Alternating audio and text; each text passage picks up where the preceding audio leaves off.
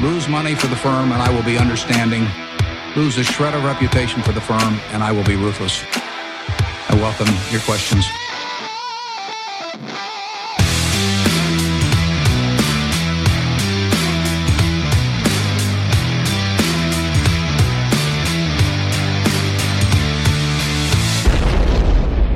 Hej och välkomna till Kvalitetsaktiepodden. Det är jag som är Ola. Det är jag som är Marcus. Ja, och det är jag som är Klas. Det här är avsnitt 121 som spelas in torsdag den 30 juni, men släpps natten till torsdag den 7 juli. Juli alltså, då byter vi månad och allting här. Ja. Ja, det blir så här på sommaren. ja, för precis som för många av våra lyssnare här så börjar ju vår semesterperiod på riktigt nu och då spelar vi in lite i förväg och det kan ju som vanligt då innebära att det kan, kan ha hänt lite innan eh, ni hör det här. Så om vi upplevs så här märkligt ouppdaterade i någon del så är det ju inte för att vi lever under en sten Nej. utan för att den här och nästa podd vi släpper är ett eko från svunna tider. Oj. Eh, inte så svunna, en vecka är väl inte. Nej. Nej. Nästa podd blir värre kan man säga. Eh, för det blir ju ett eh, traditionsenligt uppehåll nu i poddsläppandet under juli. Och nästa podd släpps den 4 augusti. Det blir frågeavsnitt. Ja. Så det blir skoj och då tror vi att många av lyssnarna också är på hugget. I ärlighetens namn ska vi säga att de år vi har försökt släppa något avsnitt mitt på sommaren så kanske inte det är det som det har lyssnats mest på Nej. direkt. Jag, Jag tror folk gör annat Ja, jag tror man att- gör annat. Mm. Så det, det, Men det här, det här frågeavsnittet kommer många lyssna på. För bara de eh, liksom, lyssnarfrågor vi får in vi- vittnar om att det kan bli ett jäkla lyssnande med tanke på mängden frågor. Ja, det var många frågor. Ja, det var ja. många frågor. Vi lockade ju med en bok där också, men det återkommer Sant. vi till. Ja. Eh, ja, vi sitter ju här med lite bubbligt i glasen också. ja, det gör vi faktiskt. Eh, för vi firar ju nämligen att det är Sommar. semestertider. Lite semestertid, ja. Nu har vi Ja. aldrig 100% semester, det får man ju nästan säga. Det är ju lite så att det blir man är ledig men, eh, och man kanske är utomlands, men du vet, börsen tar aldrig, tar aldrig semester Nej, vi, fullt ut.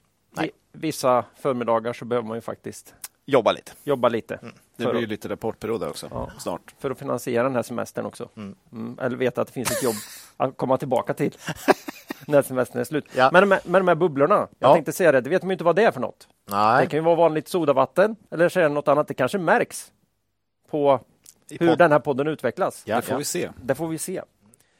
Eh, ja, idag då, i den här podden, så blir det några bolag. Ett nytt. Så är det. Det har nämnts tidigare, men ja, det, det har det. har aldrig fått komma med ordentligt. Marcus har förbarmat sig här över Devport som kommer så småningom. eh, vi kommer ha lite aktuellt och sen så gör vi den traditionsenliga sommargenomgången av våra buy and ho- buy and hold-portföljer. Ja, det är ju alltid kul. Mm. Det är kul. Mm. Något som inte är kul, Ola, Vad är inte kul? det är krig i Europa. Ja, det är inte roligt. Det. Sverige och Finland är nu troligen ett steg närmare NATO. Vansinnet fortsätter i Ukraina och där Putins anhang oförtrutet dödar civila och lajvar medeltid. Mm. Eh, jag tycker man inte ska glömma att stötta valfri hjälporganisation även nu i sommar. För när vi ligger vid sjökanten eller vad vi nu trycker här och solar, Mm. vi kanske möjligen irriteras av någon närgången geting. Ja, Ja, blindning eller, eller liknande. mm. Då ligger andra människor som är precis som oss med samma mål och drömmar och tankar om livet och trycker i en källare eller ett skyddsrum i Ukraina. Ja, Och de fruktar både för sitt och sina närståendes liv. Mm. Jag hoppas det vansinnet ska få ett, slu- få ett slut snart här nu. Mm. Vi tänker på er, Ukrainas hårt prövade och tappra folk. ja. Mm. Sedan senast då, så har jag ju försökt komma in i den svensk-dominerade konditions och hjärngympaidrotten sprintorientering. ja. Jag Vad- hörde, jag hörde talas om det här lite. Ja. Det här måste vara en av de mest svårproducerade sporterna som finns för att ge åskådarna någon som helst behållning av eventet då, annat än vid start och målgång. Man förstår ju varför det här har kommit till då, för det här konkurreras ju möjligen bara ut då för att vara en usel publiksport av traditionell orientering. Där har ett antal människor som springer in i en skog och, Och sen efter ett kommer tag ut de ut Det var han som är, han är först! och, har, och sen får man reda på, har de stämplat rätt eller fel? Eh, och nu har jag tittat på SVT sändningar här från VM i, jag tror det är VM-tävlingar. Vad dum jag känner mig. Det är klart det är VM-tävlingar i Danmark. Men sa du att det här var inne i städer eller? Ja, och jävlar vad jag inte fattar eller hänger med. Nej. Hela idén med det här är att vi tar orientering, vi flyttar in den i stan, Det ska bli en publikfest, man ska kunna följa med. Det här ska bli toppen va? Mm. Lite som sprintstafett i skidor när man lägger det inne med snö i, centrala Hamburg Japp. och så här. Mm. Vilket funkar, för då ser du hela loppet nämligen. Men, men stänger man av stan eller går Nej, de, går de omkring ska- massa vanliga människor? Liksom, liksom? Ja, men det är lite kul, för jag tänkte på det. Alltså, det här, jag kan släppa mitt manus här, för det här är så fascinerande. För jag tänkte, gud, de har ju stängt ner här. Jag har stora Ja. delar. Men i finalen särskilt, eh, i något som heter knockout-sprint, då var det en ganska stor bana. Och de kommer ju alltså springa, de springer i hastighet eh, tre minuter per kilometer. Jag vet inte vad det blir i kilometer i timmen, men det är full spett alltså. Och ännu fortare på spurten. Det är ju Och då 20 kommer- kilometer, Ja, då det är kom 20 kilometer i Då kom timmen. det en stadsbuss från andra hållet när de kom runt hörnet, för då var det en sån här kameralöpare som var med där. Jag är en sån här japansk... Ja, det är Och så, kamera. och så på ett annat ställe så satt det några riktigt förfriskade danskar med någon jävla flagga liksom som den ena bara plockade. Men, Oj! Ja. men Okej. om det kommer en sån här turistgrupp med japaner som står Ja, och ja. fotar, liksom, då Ja. får de vänta till de Du måste ha koll. I skogen är det träd. här, är det, här är det kinesiska flockar ja. med, med så, turister. Så, så, på det sättet lite spännande. Men det, det sjuka är... Jag får, tror... får de springa mot rött ljus eller måste ja, ja. de vänta till Nej, det de bara springer. De bara... Ah, fy fan vad roligt. Ja, här är det ett stopp nu. Dick, dick, dick, dick, dick, dick. Dick, dick, dick, dick, dick, dick, dick. Och där är loppet igång igen och nu, nu är japanen tillbaka i... Ja. Nu, nu kommer jag att tänka på en helt annan grej. Mm. Adecos reklam, den här eh, ja, när rödljuset, när man ser dick, dick, dick och sen tick. Då, då, då filmar de ner under marken, då sitter du igen och slår med en pinne. Better, är- better work, better life, Adeco. Ja, ja, det är ju Det är ju en- Sök på det. det är ju en fantastisk... Bästa reklamfilmen någonsin. Ja, det är en fantastisk reklam faktiskt. Ja. Nej, förlåt Ja, Klas. nej, men det är lugnt. Nu blev det mycket trams här. ämne. Ja, men det, det var ju det här med bubblet va? Ja, det var väl det. Eh, eh, som, vi, som vi började dricka för en minut sedan. Så. Ja. Eh, jag trodde jag kunde läsa kartan. Jag har ju orienterat en del. Det har vi väl alla gjort i skolan och sådär. Ja, det var inte min favorit. Men de lägger dock. upp en karta. Nu är det stadsmiljö. Det känns ju väldigt ovant. Mm, mm. Ja, så lägger de upp kartbilden och, och, som bild i bild ofta och så kan du följa de här med GPS då. Mhm. Eh, och, det, och det här då, den här, det är ju en läg här. Mm. Ni vet ju GPS är det. Det finns en läg i tid och sen ett litet positioneringsfel. Mm. Det här är så fruktansvärt störande då. Mhm. När man då kan se eh, de här eh, GPS-signalerna då, de springer liksom ständigt rakt igenom hus. över, det finns ett tydligt utmarkat Ah, förbjudna områden okej. bara rakt över då. De springer så jävla fort Ja. också. Så Och blir... sen så klipper du in till en bild då när de faktiskt är i närheten av någon av, de, av kamerorna. Okej. För ännu roligare är det ibland när man inser att här har de ställt en kamera för här tror de att de ska springa. Då tar de en, ett annat val. va? Mm. För de springer ofta i grupp i sprintstafett så den som leder, de andra skiter ofta i sina egna val. Jag antar att de Det är viktigare för dem att hänga på. så att de vet, för Ja. kontrollen är ju på där de är. Ja. Ja, Men i vissa av grenarna här så har man olika alternativ. Då. Ja, okej, okej. Och så är det, liksom. ja, det är. Men det är oerhört svårt. Så att, eh, Skulle du säga att det är världens sämsta publiksport eller? Det, jag ser ju det som att det skulle kunna vara en av de bästa, för det är ju svinspännande och särskilt när de här japanska turisterna dyker upp i ena vägen. Ja, men det händer sjuka saker här. Ja, men du kan ju vara med i loppet, Men- du kan ju gå men ut och jag- ställa dig jag på ser det banan. som att, liksom. Okej, Det- den här plippen som nu är mitt inne i det här huset, den stannade upp lite. Varför gjorde den det? Ja, ja. det kommer jag ju aldrig, Nej, nej. det kommer jag ju aldrig få reda Jag på. då. tänker istället för pannlampan kan man köra med någon form Ja. av kamera i pannan va? här på, kommer på det, grabbarna Ola. här eller kommer det. tjejerna. Här finns helt klart utrymme för ny teknik. Ja. som f- eh, alltså för de springer ju här skitfort samtidigt som de läser Helt kameran. otroligt. Så de skulle nog behöva Kartan, ha kameran på, eller, eh, Kartan, ja. kartan. Så de skulle nog behöva ha kameran på axeln. Ja. Men tänk om man kunde ha ett lite mer lokalt positioneringssystem du kastar upp Mm. lite på taket som stöttar upp GPSen här. Ri några riktigt bra kameror på kroppen på de här. Det kan ju både ha en som läser, som Mm. visar hur sinnessjukt det ser ut när de springer och läser kartan samtidigt som de springer alltså i tre minuters tempo. Vilket de på riktigt gör då. Ja. Det här är ju tv-sport på riktigt. Ja, Eh, eller du, det var ju några som krockade något så fruktansvärt eh, häromdagen Oh, när de hade oh. valt olika sidor in. Oh, aj, För de, aj. de genar ju runt hörn och så här. Liksom. Mm, Nej, det- så jag, jag säger att det här skulle kunna bli riktigt bra. ja. Det här är definitivt skulle kunna bli en stor OS-sport. Då måste man bara finjustera det Justera sista. publik. Mm. Hörrni, ni, varför intresserar ni er aldrig för normala grejer som tennis och fotboll och sånt där? Det, det är liksom eh, Dota och, och stadsorientering och grejer. Jag vet inte, det är jävligt udda grejer ni håller på med alltså. Macke gillar ju uppenbarligen hockey också. Har vi. Ja, det är ju sant i och för sig. Det är också en nischsport brukar jag säga, men... eh, Jag håller ju på stör största publiklaget också. Eller nej, just det. Nej, just det. Nej, men det är bra att vara lite, vad ska man säga, lite, lite udda. Det är alltid bra att inte follow the, the horde. Nej, Nej. Så, men eh, jag vill passa på att gratulera eh, Tove Alexandersson och eh, det fantastiska, eh, de fantastiska svenska orienterarna. Ja, de vann, riktigt Eller? bra ifrån sig kan jag säga redan nu och då har vi ändå individuella Okej. sprinten kvar. Ja. Ja, shit Claes. Eh, Intressant. Ja, så, så spännande är det i mitt liv. Det här har jag burit på nu Oj, i flera så- dagar. nu har du fått ur det. var skönt för, har det inte något spännande i era liv grabbar? Ja, midsommarafton har ju varit bland annat. Jag Oj, är ju lite mer sådär eh, vanlig kille va. Eh, mycket bad. Riktigt mycket. Sommaren har ju börjat kanon. Mm, Du hittade till sillen? Eh, ja, det gjorde jag. Ja, okej. Ja, ja, ja. Eh, ja, Ja, lite, vilken, vilket väder! ja, lite golf faktiskt. Och imorgon ska ju du och jag ut och kolla på, på lite proffsgolf här också. Så Ja. det, mm. Nej, det blir eh, sommar kan jag säga för mig.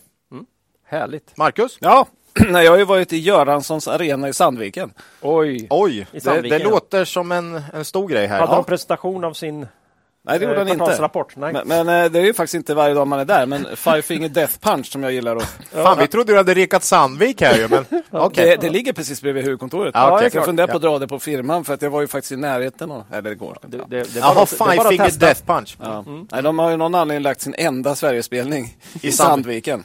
Ja. Jag undrar hur det gick till liksom. ja, bra promoter där, eller bra eh, bolag, eh, bandbokare. Ja. Nej, det var märkligt i alla fall. Så då blev det en tur norrut istället. Jäkligt bra spelning. Fullt? Eh, ja, det var fullt. Eh, och varmt I- eh, i arenan. Ja, ja, ja. Eh, men sista timmen var helt fantastisk. Alla bästa hitsen. Det var som jag hade gjort setlist liksom. Helt suveränt. Så. Fjäsk. Det här är- sådana bolag. Ah. Eller bolag, sådana Band. band. Jo, det kan vara jävligt bra Det är ibland. klart det var bra. Det var ju svinbra. Så det var kul. Kul! Ja. Vi tycker alltså både om bolag och band som levererar. Ja, ja, precis. Härligt. Mycket B här. Ja, Och buy and hold idag va? Så det är ju... vi buy and hold så småningom, så det är bra. Men innan dess då så har vi idag som vanligt med oss vår huvudsponsor Cavalier AB. Peter och Håkan, de vill även passa på att önska alla våra lyssnare en riktigt skön sommar. Mm. Och när man har den sköna sommaren ska man komma ihåg att historisk avkastning i fonder inte behöver vara en indikator på framtida avkastning och att eh, man kan förlora delar av sitt satsade kapital då fonder både kan gå upp och ner i värde. Tack säger vi till vår huvudsponsor Cavalier AB. Stort tack. Några andra vi brukar ta upp här, det är ju vår äldsta samarbetspartner Börsdata. Ja, det är ju som sagt värdeinvesterarens bästa vän va? Det är det. Eh, utvecklingsarbetet eh, fortsätter oförtrutet här ju på Börsdata och nu finns faktiskt de här utlovade pdf-analyserna på plats. Eh, de har ju nu lanserat analyser från, ja, det är väl 15 olika banker och analysfirmor för ungefär 500 nordiska bolag. Jag har redan varit inne och använt det här.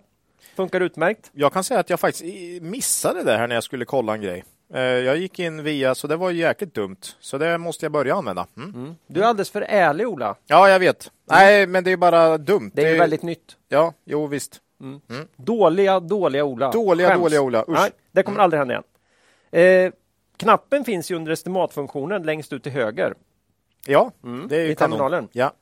Eh, och tanken är att det ska vara lika enkelt att läsa analyserna eh, som bolagens rapporter då. För de flesta användare utom för Ola uppenbarligen. Jag ska bara veta att komma jag ska bara det, komma det det. ihåg det. Det är mer det. Ja, det är nytt. Eh, man ska inte glömma bort här i sommar att screena bland eh, bolagen i sina favoritbranscher.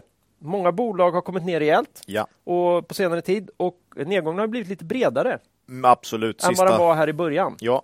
Det är något, inte bara SBB, SBB som går ner. utan Nej, det slår, det, slår, annat. det slår brett här nu. Ja. Det gör det.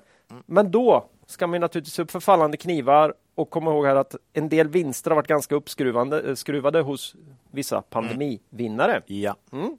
Så även George med kollegor vill önska våra lyssnare en skön och avkopplande sommar framför terminalen.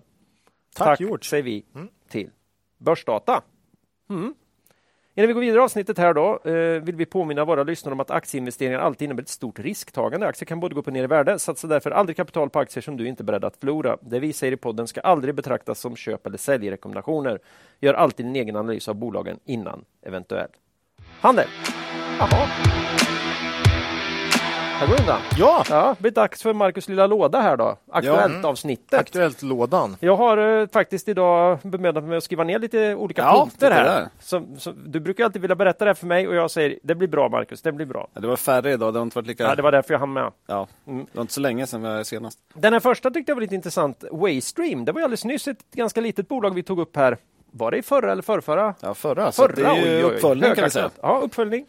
Nej, men vi, vi pratade om dem i förra podden och det kom ett beslut här från kammarrätten i Stockholm om att de avslår Huaweis överklagan av rätten att vara med i utbyggnaden av 5G-nätet. Boho, boho. Ja, men det är lite intressant där. För kammarrätten går på samma linje som tidigare instanser kommer fram till och eh, att bolaget hotar svenska säkerhetsintressen, som man säger.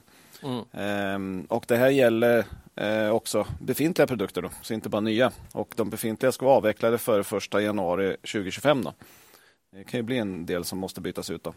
Eh, vi vet inte om det här påverkar de här så kallade switcharna då, som, som Waystream håller på med. Men även om det inte finns ett formellt krav att liksom, eh, inte använda eh, Huawei för switchar så känns det ju väldigt, väldigt svårt för någon som sitter där ute och ska besluta att Ja. vad ska vi ha för något? Nej, men vi tar Huawei. Men det ska, det, det verkar ska vi rätt. nog vara liksom. tydliga med att eh, G5-bolagen, eller G5 överhuvudtaget. 5G. eh, 5G. G5 du. G5.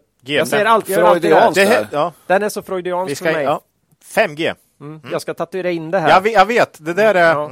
Och då kommer jag tatuera in G5 av misstag, för jag kommer säga det. Här. Det ska... Det var ju någon på Twitter som sa att jag ska tatuera in vad hade Ola gjort. Ja, det. Ja, ja, det den är är lite roligt. Du får, du får köra 5G, G5 får du köra. Men det kommer bli lika svårt vilket var vi... Vilket var det då? Vad jag skulle säga är att eh, de här eh, telefonioperatörerna använder inte Waystreams prylar så där jättemycket. Men det här kan mycket väl smitta av sig på de här stadsnäten som, som eh, Waystream verkligen levererar mycket till. Så. Ja, vi såg något sånt uttalande och det blir ju ganska svårt för någon som sitter där att Nej, men jag tycker vi ska ta med Huawei. Det, det är ju inte så sannolikt känns det som. Så att, så att eh, vi tror att det, det blir inte så mycket Huawei-prylar även Nej. i stadsnäten och att Nej. Waystream får en stark Men position. Det är bara då. vi som gissar. Ja, för, på ganska goda grunder. Ja, goda grunder. ja. Vi har inget ägande i Waystream heller. Så att vi... ja, vi har ju en liten bevakningspost. En bevakningspost, okej. Men, men inget, Nej. inte, inte Den är annat. så liten så den visste jag inte ens om. Nej, man, får jag lyssna, har den Ola. Ja, det är bra. man, man får lyssna på förra avsnittet får Ja. man lite mer information. Men, men eh, ja, det var lite samma sak men ännu starkare kan man säga. Eh, sen eh, avsnittet iGaming då. Ja. Det är Kindred igen. Oj, det är det är bra. mycket Kindred. Ja, men det varit Också med i vår buy and hold här från i vintras. Ja. Så att det, det är bra på det temat. då. återkoppling till senare Ja. på den.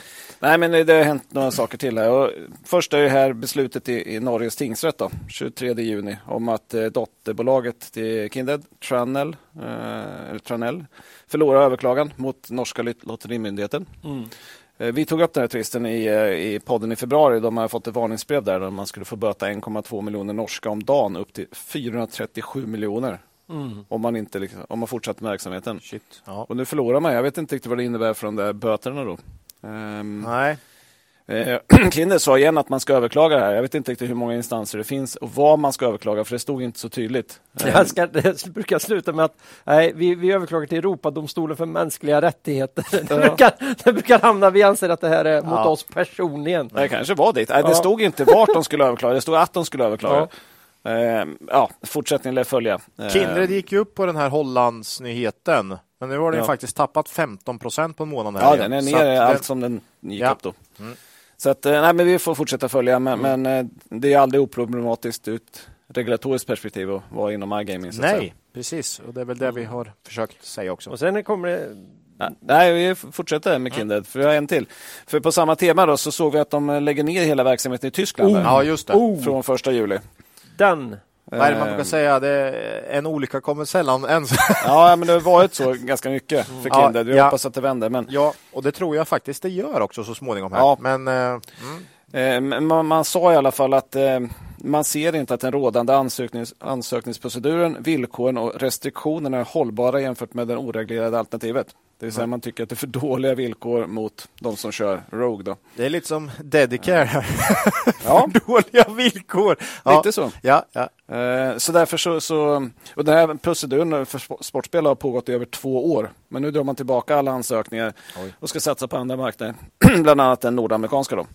Eh, Så skriver man att beslutet inte kommer att ha signifikant finansiell påverkan på Kindred då verksamheten i Tyskland är begränsad. Då. Ja. Men, men den här processen i Tyskland för iGaming är fruktansvärt svår tycker vi. ja.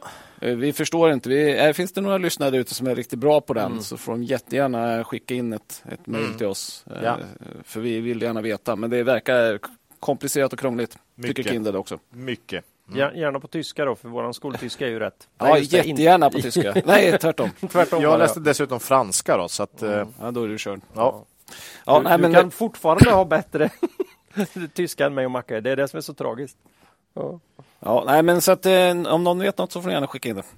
Ehm, sen kommer vi till sista delen. Ja, det var här. Det här trodde jag aldrig vi skulle, det här bolaget vi skulle ta upp i podden. Fingerprint står det här. Ja, Nej. Spännande Ska va? de in i, i Det här är det här. kvalitetsaktiepodden? N- Nu. Nu, Okej. Man kan vad säga- kan det handla om? Ska Vad vi- kan det handla om? ska vi ta- Tangera är i det alla en fall köprek? bolaget. Ska vi ge vår första Ja, men köprek? på, på, ny, på nyheter har vi faktiskt tagit upp eh, lite bolag som vi inte har sett. Ja, som... inte Fingerprint i alla fall, Nej. det tror jag inte. Vi har ett bredare spann där kan jag säga. Ja, Mm. ja. Nej, men det här är lite intressant för det handlar ju inte om bolaget specifikt utan om eh, ordförande och storägare Johan Karlström då, Mm. som av to- Stockholms tingsrätt nu har blivit dömd till fängelse för grovt insiderbrott och ska sitta i fängelse i ett år och sex månader. Eh, Du och- har ju ganska bra inblick i det här, Marcus. Alltså själva hur, hur, vad, vad han har gjort vad han och har hur gjort det går till. Och så. ja, mm. Jag kommer lite till det. Det, det, det Ja. här är ju då insiderhandel i Fingerprint Cards eh, under fyra tillfällen 2013 till 2014. Det, är Det har dags. gått ett tag du. det har gått ett tag. Det är dags nu då. Ehm, ja, nej, precis. Han var ju vd då i bolaget när det här skedde. Eh, och insiderhandeln har då enligt tingsrätten skett i relativt kort tid innan bolaget i form av pressmeddelanden har lämnat information om nya order och lite sådana eh, olika eh, andra händelser i bolaget. Då. Ja. Ehm, och det är jättebra att han döms. Alltså, om någon tror att han är oskyldig, läs domen. Säger jag. Det, det är fullständigt uppenbart Ja. vad som har hänt. Han ju även hållit på att handla varanter och sånt precis innan pressmeddelanden och så sålt dem direkt efteråt när man fått en stor kursökning. Oh. Så har han kört via kapitalförsäkring då så att man inte, då på den tiden behövde man inte rapportera det till Finansinspektionen. Nu har de ändrat reglerna så kapitalförsäkring också täcks, men då behövde man inte göra det. Så att säga. Men är det alltså nästan tio år sedan Fingerprint var som mest? Ja, det- 2013? Nej, det här är ju ändå efter värsta va? Nej, alltså, nej, det här är nog li, lite innan det tar fart. Det är i bör, Ah, början när det Ah, börjar okej. bli Ah, intressant okej, okej, och de börjar få traction. Ja, ja. Liksom. ja, jag tänkte det var mer sju år sedan typ som det Som var. de toppade. Ja, ja, sen. ja. Så att, men, men- det var, han gjorde bra affärer på det. Han tjänade en hel del pengar Mm. som han nu ska betala tillbaka. Då. Ehm, se- se- sen är ju liksom svenska systemet lite bisarrt tycker jag. Så tillvida att han har ju fått ett förmildat straff då på grund av att det har gått orimligt lång tid innan Mm. han blir dömd. ja. Han har ju liksom fördröjt den här processen under en lång, längre period. Han har bytt ut sina advokater som fått läsa in sig på nytt. Han har valt advokater som alla andra har som inte haft tid. Så han skjuter fram den här. Mm. Så han har fördröjt processen och därför får han ett lägre straff. Mm. Det är ett systemfel kan Ja. man säga. Jag, men det är bra att, han, bra att han döms till fängelse. Jag hoppas inte se honom i några noterade bolag. Hur blir det med, med pengarna då? Ja, han, han, han, skulle betala tillbaka det han har tjänat på de här. Okej. Eh, Men han har ju mer pengar. Han har ju varit stor Han klarar sig ju, men skaka galler Det här är, är aldrig ingen- roligt för de här eh, gubbarna. Vet. Det, det är ju aldrig Det här är ju kul. ingen enpetare Ola, så det här blir helt rimliga. Det här är helt Så det här rimliga. blir, det blir ju Det normala. här är normala böter. vi Jag vill ju här. se honom i en sån här, skaka galler i en sån här eh, s- Björnbröderna direkt. Björnligan. Björnligan direkt. Ja, ja, ja, Där, ja. där vill jag se ett sånt kort. För det förtjänar han faktiskt. Ja, men det här är ett sånt där case. eh, Jag har ju lite eh, kontakter inom de polisiära verksamheterna och där älskar de ju i, i utbildningens syfte att ta de här. Det här, det är liksom för bra för att, för att vara sant. Kan man du uppfyller varenda rekvisit för brottet så att säga. Ja, ja, ja, ja. Och när man tänker att det inte kan bli bättre så, så ballar du ur i förhör också. Och, så här. Ja, ja, ja. och det är väl lite åt det här. Det är väl lite som det här caset är. Ja, men, men sen, är, sen det ska ju säkert överklagas där så vi får Ja. se vad hovrätten kommer fram till. Men, men som sagt, om någon tvivlar, läs domen. Jag, alltså, Nej, det känns nog ganska... Lite aktuellt om. Fingerprint där. Ja. Eh, sju år efter eh, piken. Ja. Den är, aktien är ner 75 procent här i år. okej. Så, det, Ja, så är det. det var, det var aktuellt. Ja, Då nu jäklar är Blev Bayern buy and hold. Oj, det här är måste ju ha gått kanon här. jag, är, jag är förväntansfull. Det är ett starkt börsår. Ja, ett sånt här starkt börsår. Jag brukar ju dock Eh, säga, va? mm. kom ihåg det, att gå back 10 procent när börsen går back 30 är ju en bra prestation. Du brukar säga just det när vi har gjort det, Ola. Nej, Annars brukar jag brukar fa- ja, för, för, Folk blir så jäkla sura när, de, när, de, när, när men portföljvärdet går ner. Ja, men man jobbigt. måste se sig relativt både i upp och nedgång då. va? Mm. Så man behöver inte vara glad, men man har gjort behöver- en bra prestation. Ja, precis så. Det, där var du spot on. Mm, Så är det. Eh, vad är det här för något buy and hold-portföljer? För de som inte vet, våra fle- flesta lyssnare vet, vi tar ut en portfölj i juletid eller strax innan jul. Eh, runt Lucia kan man säga att det brukar vara. Ja. Varje år har gjort sedan 2017. Så den som kom vid jul, före jul 2017 heter and Hold 1. Och vi kommer att hålla på att prata om and Hold 1, 2, 3, 4 och numera finns också 5. Ja, den kom ju nu i, i, i vid Lucia senast. Då. Ja, du se senast här. Så vi kanske inte pratar så mycket om vilka år det handlar om. Eh, vad gör vi här då? Jag tar ut tio stycken bolag eh, som vi då fiktivt köper så att säga. Delar upp 100 000 i varje och sen så lägger jag ner oerhört mycket jobb för att försöka följa efter de här och ha koll på deras utdelningar som reinvesteras i bolagen själva hela tiden. Då. Vi tar kursen en vecka efter att eh, utdelningen har gått. Mm. Då brukar man ha den på kontot ganska säkert. Och eh, är det så att vi har några utköp här Uppköp. Ja, uppköp. Tre stycken tror jag det har blivit än så länge. Än så länge Acando, Swedol och HiQ. Ja. Det finns lite olika här. Då tar vi och fördelar ut de eh, pengarna på övriga, eh, de som finns kvar.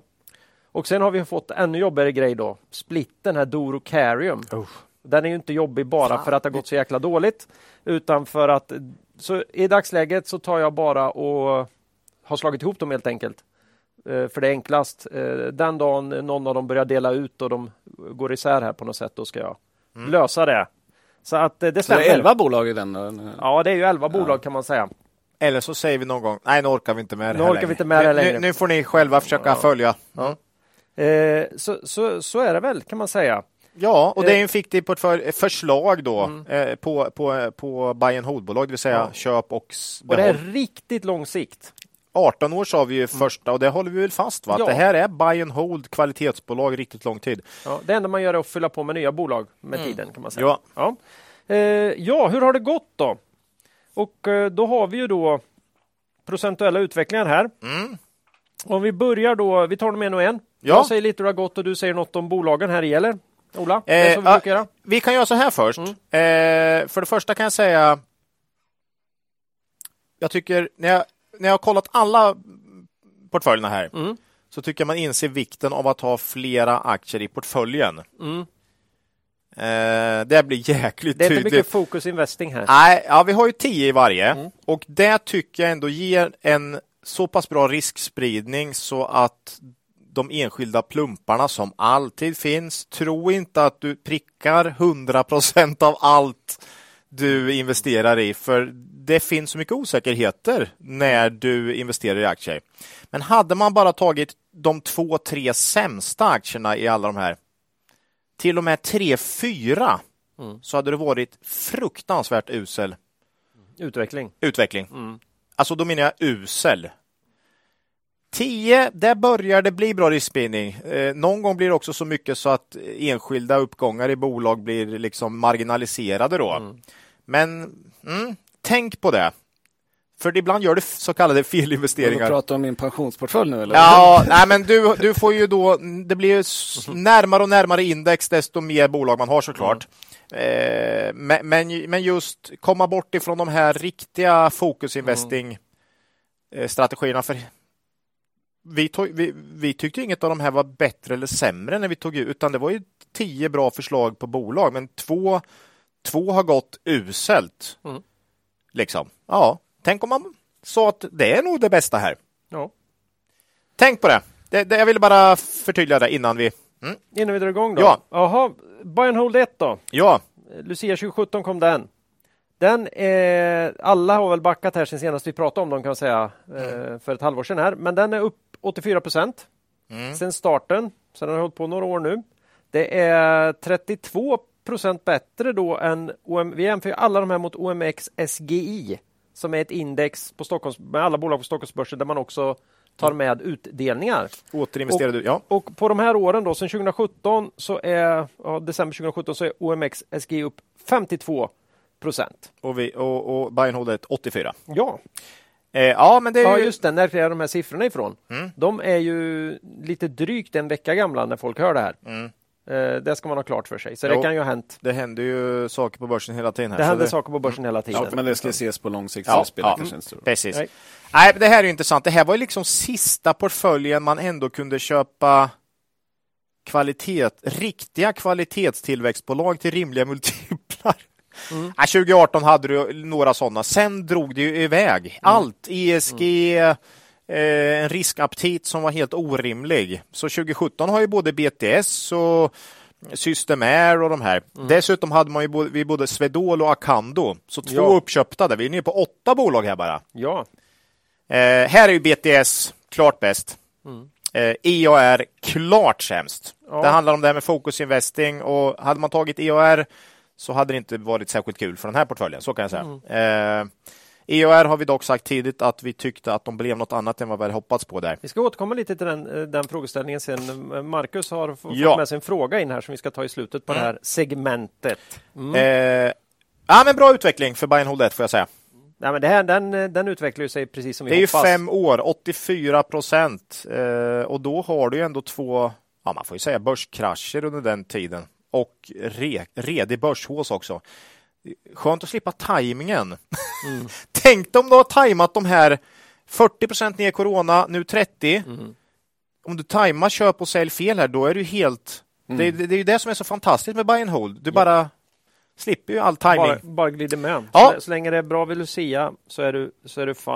ja. ja, Nej, men så är det. Ja. Eh, jag, jag har ju själv satt ihop en alternativ eh, ja, Hold 1 som jag alltid tjatar om mm, eftersom jag var så oerhört deppig när Swedol blev eh, uppköpta. Mm, det var inte jag dock. Ja. Uh, ja, på grund av, på grund av hur mycket skulle... pengar man ändå tjänar på ja, det. Det var fint, men det, var fint, oj, men... tänk, tänk vet du, ja, Klein hade vad han hade kunnat gjort. Klein. Eh, då gjorde jag helt enkelt så här att eh, i och med att de gick upp i ett annat noterat bolag mm, mm. Så, köpte vi då fiktivt momentum istället mm, mm. för Swedol-pengarna mm, mm. och hängde på där. Ja. Och nu när det blev jättekomplicerat här när momentum på något sätt gick över typ delvis i Aligo, men det som var Swedol i alla fall till sin helhet definitivt över i Aligo. Så sålde jag momentum innan vansinnet började. Sparade pengarna en stund tills Aligo var etablerade här i april och så köpte jag i, i fiktivt här i. Och då, vad har hänt med den här? Mm. Den är upp 98 procent. Oj, eh, istället för 84 då? Ja, 46 procent bättre än eh, index. index. Mm. Ja, ja och, ser man. Och nu så får vi se hur det går för Aligo mm. framöver. Så ja. den har vi med. Den men, men du klagar över att det är lite jobbigt att uppdatera de här, lite krångligt och så, mm. så då tänkte jag lite lättare. Men har du, har du redan börjat? Vet du? Det här gjorde jag ju direkt. Fy fan, jag kan tänka mig om fem år här, man sitter och det är hälften av bolagen är, är uppköpta och hälften är uppgångna. Ja, ja, och delat ut bolag. Och... Mm. det, alltså blir... det. det här blir jätteroligt. Ja, ja. Mm. ja det, vi löser det här i Excel. Det är bara, det är bara du som gör ja, det snart. Det är, bara att... det är så, händer det Klas något, då är vi totalt ja, körda. Alltså. Kört. Ja. Okej. Okay. Mm, det är oerhört transparent gjort, mm. säkert. Okej. Okay. Eh, Bayern 2 då? Ja. Eh, från eh, Lucia 2018. Mm, mm. Eh, den är ju inte så dålig. Den är upp 70 procent. På fyra den har ju alltså, Hela tiden här har de ju haft ett år mindre på sig, ska man komma ihåg. Ja, nej, fyra och ett halvt. Vänta. 19, ja, 20, fyra och ett halvt 21. År. Nej, tre och ett halvt den. Jag kan inte räkna. 19, 20, 21, tre och ett halvt och den första fyra och ett halvt ja, så är det. Mm, mm. Ja. det känns det plötsligt som vi inte hållit på så länge, Ola, när du var tvungen att räkna så. ja, ja, ja. Den är upp 70 procent i alla fall. Eh, ja, det är bra. Men, och på den tiden är Stockholm upp 53. 17 procent bättre då. Ja, också före då. Eh, här var också Svedol med. Mm. Systemair var med där också. Har ju gått riktigt bra. Ogunsen. Jag för mig den, var, den, har, den hade inga riktiga plumpar. Den, den, har mer varit, det har inte haft de här nej, BTS ingen, och, och Note-rusningarna, men de har inte haft några plumpar heller. Nej, vi betalade lite för bra helt enkelt för Ja, tydligen. Den nej, men, nej, men, som de heter på den tiden. Ja, just det. Nej, men så den, den, den är en portfölj med ganska streamlinad utveckling. Eller, mm. eller nej, så är det ju inte. Det är alltid några som har gått mycket bättre. Ja, ja. Men, men, inte några riktiga plumpar, tror jag. Nej. nej. Bra! Eh, hoppar vidare på um, Bionode 3 då. Ja, den här var ju e- efter index länge. Ja. Den, det här var ju sorgebarnet. Två och ett halvt år på sig då. Mm. Eh, ja, den, den, gick, den började inte bra. Nej, det gjorde den verkligen Men inte. Men nu är den i alla fall 36 procent upp, upp och 13 procent bättre än börsen på den här tiden. Snyggt! Som eh, bara har gått 23 eh, procent då. Mm. Verkligen stark comeback här. Mm. Man ska också tänka på att den här köptes alltså in december 2019. Då var det... Det hände något sen. Eh, sen hände det corona. Så, så den här har på två och ett halvt år upplevt rusningar utan dess like och två krascher med 30-40 procent ner. Och då är den 36 procent plus och man har inte behövt tänka någonting på ska jag sälja, ska jag köpa, utan det är bara att... Det är ju inte så dumt egentligen, Nej, eller hur? Vilken buy and hold vet du. HiQ var ju med här, mm. budet där. Eh, Björn Borg också gått jäkligt bra sedan dess och Fenix Outdoor faktiskt säm sämst här. Mm. Jaha. Ja, det trodde man inte, men så är det. Ja, eh, inga riktiga plumpar där med andra ord. Mm. Skönt att slippa timing-risken på de här två åren med coronaras och allt. Mm. Nej, men jag säger, Fenix har stått och stampat lite. Verkligen. Har det liksom inte... Ja, den har gått ner sedan dess också tror jag. Ja, mm. Så är det. Ja, Eh, Bayern 04 då? Nu börjar vi närma oss eh, moderna tider här. men här slapp man ju coronaraset i alla fall då. December 2020. Ja, Eh, här är ju bra. Sen alltså december 2020 upp 69 procent. ja det är bra på ett och ett halvt år. Fy fan. Eh, den är alltså relativt 64 procent bättre än börsen som bara har mäktat med 5 procent sedan dess nu då efter Ja. raset här. Ja, det här är ju, vad ska man, monsterportföljen får man ju säga. Ja. Här prickar vi in tre riktiga eh, tre riktiga raketer. Note plus 250 procent. Mm. New Wave plus 200 procent och Björn Borg plus 161 procent. Och det var nog mer för att Björn Borg var så oerhört Nej, New Wave med var nedtryckt. Alltså, Vi, vi, det här var ju alltså efter coronaraset här också, så att eh, här kunde man ändå hitta lite. Vad brukar vi säga? Jo, det är i ras som framtida avkastning skapas på något sätt. Ja. Det är Eh, ganska aktuellt i nuläget. väldigt aktuellt. Doro Carium och VBG enda på minus i den här portföljen. Eh, men som sagt, väldigt bra tur eller vad det nu är. Men några riktiga fullträffar här har gjort att den här har gått urstarkt. Då. Den här har dock gått sämst av alla har jag sett i år. Mm. Eh, 2022. Det finns en del uppumpat här. Ja, kan ha varit att den har gått lite väl långt då kanske på de här trenderna. Så att, eh, mm. Eh, det är från det här, eh, den här portföljen det kommer många som säger att det har varit så kul att vara med i Note. Ja. Det är då det ska avslöja att vi har inte tjänat en spänn på Note i vårt eget eh, bolag. Vi har alltid varit för fega. jäkligt nära att köpa där i coronaraset, men gjorde, valde annat då. Mm. New Wave ägde vi dock och Björn Borg har vi ägt av de här. Så, Så vi eh, gläds med alla våra Ja. lyssnare som, eh, gjorde sin egen analys här och hängde och Note på har väl inte Note. tappat så fruktansvärt heller i år tror jag inte. Eh, det är inte så brutalt i alla fall. Så att, mm. Det är, de gör det bra Note nu Ja, och de är poppis på det. ja, Då- minus 17 procent i år, det är ju vilket bra. Mm. är ju helt okej. 572 procent plus på tre år. Så är det. Ja, det är lite som kavaljer då. nu är jag oerhört spänd på vinterns portfölj här, hur det första halvåret har gått här under börsras och allt. Ja, eh, där var man ju lite... Ja, det, var, det var ju lite skräck, bland annat förtjusning här Ja. när jag insåg att eh, man börjar en portfölj i ett totalras här. Då. Vi river av plåstret direkt då. Den är, ner, den är ner 14 procent. Ja, men okej. Mm. Ja, vad var det jag sa förut? Men relativt är den ju 8 procent bättre då. En OMX SGI. Som är ner 22 procent. Eh, ja, det får man ju säga också är bra då. Mm. Eh, svårt i vintras, det sa vi också när vi tog ut den här. Ja. Marcus kom in här första gången och det blev ju första, första upplevelsen blev ett, ett ganska kraftigt börsfall här då. Eh, men det var svårt, vi sa det var Hur är det med korrelation? Kan det vara så Att det är där- du som- Ja. Ah, jag bara jag- tänkte, nej, nej, Vi tyckte nog att mycket var högt värderat där. Vi pratade mycket om det. Ja. Det var svårt att ta ut bolag som vi tyckte kändes riktigt köpvärda och så här. Vi såg också vinstminskning framför oss i väldigt många bolag. Coronadopat. Eh, ja, det fanns väldigt många sådana. Eh, den vi, portföljen vi tog ut var dock ganska mycket IT och digital verksamhet. Jag tror det var fem eller sex av de här tio som kan klassas som IT eller någon form av digital verksamhet och det har väl varit ganska bra här under våren ändå. Hyggligt rimligt värderat IT då, om vi säger så. Ja, men det var ju inte fel. Eh, bäst e-work får man ju säga IT. Plus 8 procent, det är ju jäkligt bra på en, Mm. på en nedåtgående börs. Eh, även Bahnhof bra, Softronic eh, har gått bra med. Så vi har haft några sådana som har klarat sig väldigt bra. Då. Och som jag sa förut, att tappa mindre än index är bra i en eh, fallande marknad. Och en, och en plump i den va? En riktig plump. Ja, Enea. Enea eh, IT-bolag tyvärr också, men eh, bolagsspecifikt där då som eh, kom en, en Q1 här som var långt under eh, Förväntan. förväntan då. Eh, så där får vi ju se. Här Skulle de vända så har vi ju en potentiell bra eh, uppsida där då, såklart. Hade det varit Väldigt intressant nästa rapport. Ja. amerikansk serie så hade det stått The jury's still out on that one. Ja, lite så. Mm. Ja. Vi får se. Hoppas inte det blir ett EOR där. Nej. Eh, vi får se. Det hade varit riktigt tråkigt. Ja, Ja. Eh, vi har 18, de har 18 år på sig att komma igen. Vet du. Mm. EOR vara- kanske blir 17 och ett halvt i alla fall. EOR kanske blir uppköpta på 150 spänn. Eh, Då är man ändå ner, men lite mindre. Ja. Mm. Eller byter verksamhet helt några gånger på vägen. Ja, här kanske blir- börja tillverka mjölkförpackningar ja, och grejer. och går jättebra.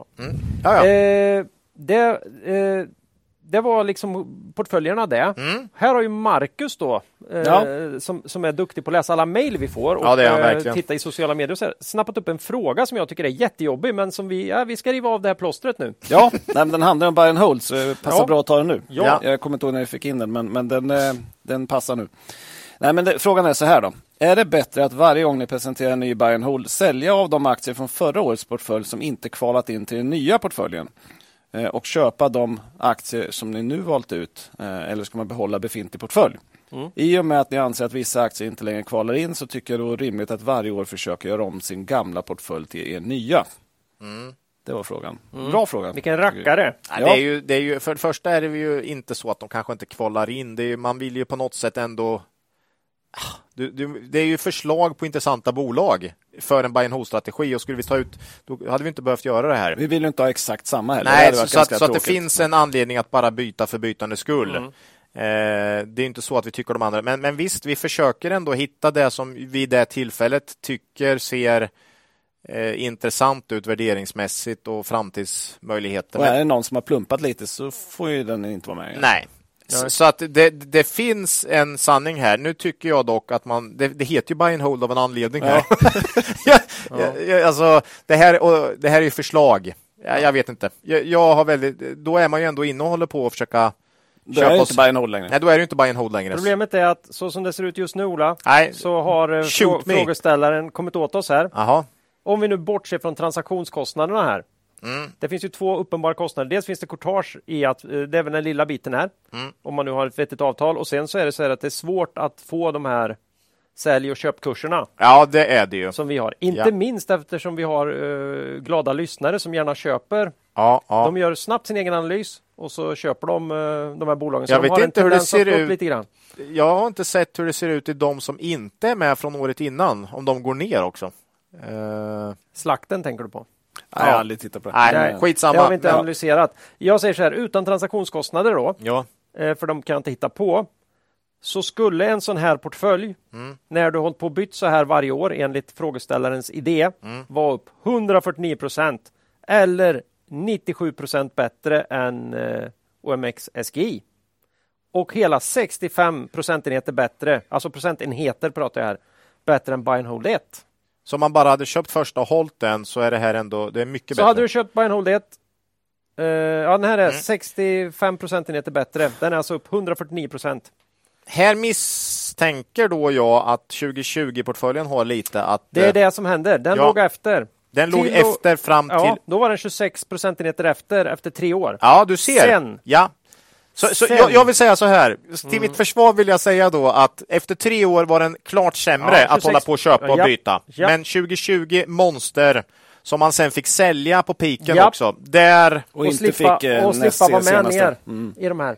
så, så jag säger fortfarande att det, det här är inte bevisat. Nej. Och Eh. det sjuka är ju att nu kommer jag ju behöva fortsätta och uppdatera också den här. Jag tror tyvärr att just 2020 kommer ligga med i den så jäkla länge. Och Så att det kommer nog, men, men mm, Ja. se det inte som en strategi på tre år. I För- maj, I maj kommer du fråga, men Klasse varför är inte du delaktig i uh, företagsarbetet Mm. här och analyserar bolag? Nej, jag har ju börjat med buy and hold-arbetet. Det ska vara klart, det ska vara klart i slutet av juni. Vet du. Det, det är helt, jag har tagit in lite hjälp här också. Buy and hold är buy and hold och det är förslag på intressanta buy and hold. Fortsätter börsen ner här Men under en kul året? fråga. Mycket Ja, kul fråga. Fortsätter börsen ner här under 2022 så kan det bli ett väldigt trevligt buy and hold avsnitt här Ja, det kan bli roligt. i, i vinter. Eh, förmodligen mycket trevligare värderingar än, eh, än förra årets. Ja. Så var det med det. Väldigt kul att alla fem portföljer nu är före index. Ja. Det är första gången, så det är ju riktigt kul. Det var, ja. Vi är, vi är tillbaka lite grann där. Ja, Skönt. Eh, vi skulle ta lite bolag också här idag. jo, men det brukar vi göra. var planen. Mm. Och eh, de är tre till antalet och vi ska faktiskt börja med Balco. Det här är ju balkongbyggaren eh, som senast var med i avsnitt 88, Mm. så det är ett bra tag sedan. Eh, det har varit goda tider med låga räntor och höga fastighetspriser. Men vad händer nu Ola? Ja, vi fick ju några frågor om Balco här så vi, vi tar en titt på vad som har hänt faktiskt. Det här är ju ett, ja, ett år och tre månader sedan då. Näst, mm. Ja, det är det. Ett år och tre månader sedan, så det är ganska länge sedan faktiskt. Mm. Eh, jag tror varför vi fick lite frågor är för att aktien är ner med cirka 50 procent i år. Det är mycket. Det är mycket. Oj, oj, oj. Eh, klart sämre än börs. Det kan vara så att eh, vi har duktiga lyssnare som eh, screenar på börsdata. Ja, jag tror det. Flashar Balco Kva kval Kvalitet mm. kontra börsnedgång bara. Ja. Minus 50 procent. Bra bolag. Mm. Vi får en hel del mejl om bolag. Ja. Eh, och en del är ju inte intressanta, men Balco är ju ändå ett intressant bolag som vi inte tittar på på länge. Ja, precis. Eh, man inser också att börsen har gått jäkligt dåligt i år när man liksom inte blir helt chockad över minus 50 procent i ett kvalitetsbolag. För det Nej. finns ju en hel del bolag man stöter på nu som har gått ner 50 procent. Det är mm. inte helt, Nej. helt ovanligt. Eh, jag fick också just den frågan här av någon förra veckan som frågade mig, är det nu raset kommer? Då sa jag, det har ju redan inträffat. Ja, mycket i alla fall. Börsen är ju ner 30 procent på sex månader. Det kallar jag ett ras. Sen kan det såklart gå ner mer, men att säga är det nu raset kommer, det är, mm. det är ju redan här. Mm. Vi är ju i raset nu. Sen är frågan om det ska vända eller om det ska fortsätta, men raset är redan här. Så tänk på det. Mm. Eh, eh, Balco då, både 2021, eh, både 2020 och 2021 blev ju inte alls särskilt bra år för Balco här. Eh, till exempel har man inne utdelningen både 2020 och 2021. Det är lite ovanligt. Alla höll inne 2020 vet ni. Ja, men, men de flesta har återkommit. Ja, 21. men 2021 var på grund av den dåliga orderingången här då. Mm. Så uh, två år utan utdelning för, för Balkoägarna här då. Tufft. Man hade problem under pandemin. Då var det ju visningar av balkonger. Pension... Nu, nu, nu, säger jag att bara pensionärer sitter i de här styrelserna. Eh, så är det ju inte. Men, men eh, ganska många ändå äldre sitter i bostadsrättsföreningarnas styrelse här ju. Det får man ju eh, säga. Vi kan väl göra en empirisk, empirisk, undersök empirisk undersökning mm. här. Ja. Jag har ju bott i bostadsrätt. Mm. Mm. Jag bara pensionärer i... Ja, det är inte bara, men eh, någon 40-50-åring och resten över 70. Macke, hur ser det ut hos dig? Nej, det är, då får jag helt uh, gå ifrån det. Jag Jaha, tror inte någon pensionär i vår ah, förening okay. faktiskt. Bra! Boo! Boo! Ja, okay. Jag tycker det är bra i och för sig. Inte ja, ja. sådana här skitdåliga... dåliga, dåliga Marcus. Ja, test. Ja, den här lynchningen, du vet. Ja, okay. ja. ja, de, Nej, de, sa, det inte det, Ola. de sa i alla fall att de hade problem med visningar och att bostadsföreningarna inte kunde rösta som man brukade Nej. Igenom de här besluten för man, träff, man hade inga stämmer där på ett tag. Mm. Eller ex, det här kallar man ofta till extra stämma då. Mm. Eh, dock sa man faktiskt här mot slutet av 2020 att man började få igång poströstning. Eh, post, då tänkte jag, kan man inte göra det bara digitalt? Nej, det finns ju så mycket regler. regler. Inte. Mm. Mm. Kanske svårt. Ja, man började få igång det i viss mån här då, så man fick igång lite försäljning. Men det är klart att det var svårt för dem mm. att få till avslutet här med de här, för det är mycket bostadsrättsföreningar som fattar beslut om att sätta in balkonger på befintlig fasad. Liksom. Mm, eh, eh, under slutet av 2020 och inledningen av 2021 tappar man cirka 15 till 20 procent av omsättningen. Lönsamheten höll man uppe jäkligt bra dock. Visar mm. väl lite på kvalitet här. Eh, vinst per aktie klarar sig hyggligt. Eh, 2019 vinst per aktie 4,8, 2020 3,6, 2021 4,2. Så ganska hygglig stabilitet där faktiskt mm. under de här tuffa tiderna. Q1 här i år kanonsiffror. Omsättning plus 15, rörelseresultat plus 18, orderingång plus 11 och orderstocken var vid utgången av Q1 39 procent större än för ett år sedan. Det här är ju bra. Det här är bra. Det är jättebra. Det låter som att man ska falla 50 procent på det. Nej, ja. eh, intressant också att orderstocken här eh, i Balco är ju oftast en bra bit över årsomsättningen. Mm. Så man har ju här att beta av från faktiskt. Eh, man klarar sig liksom på tagna orderna då. Va?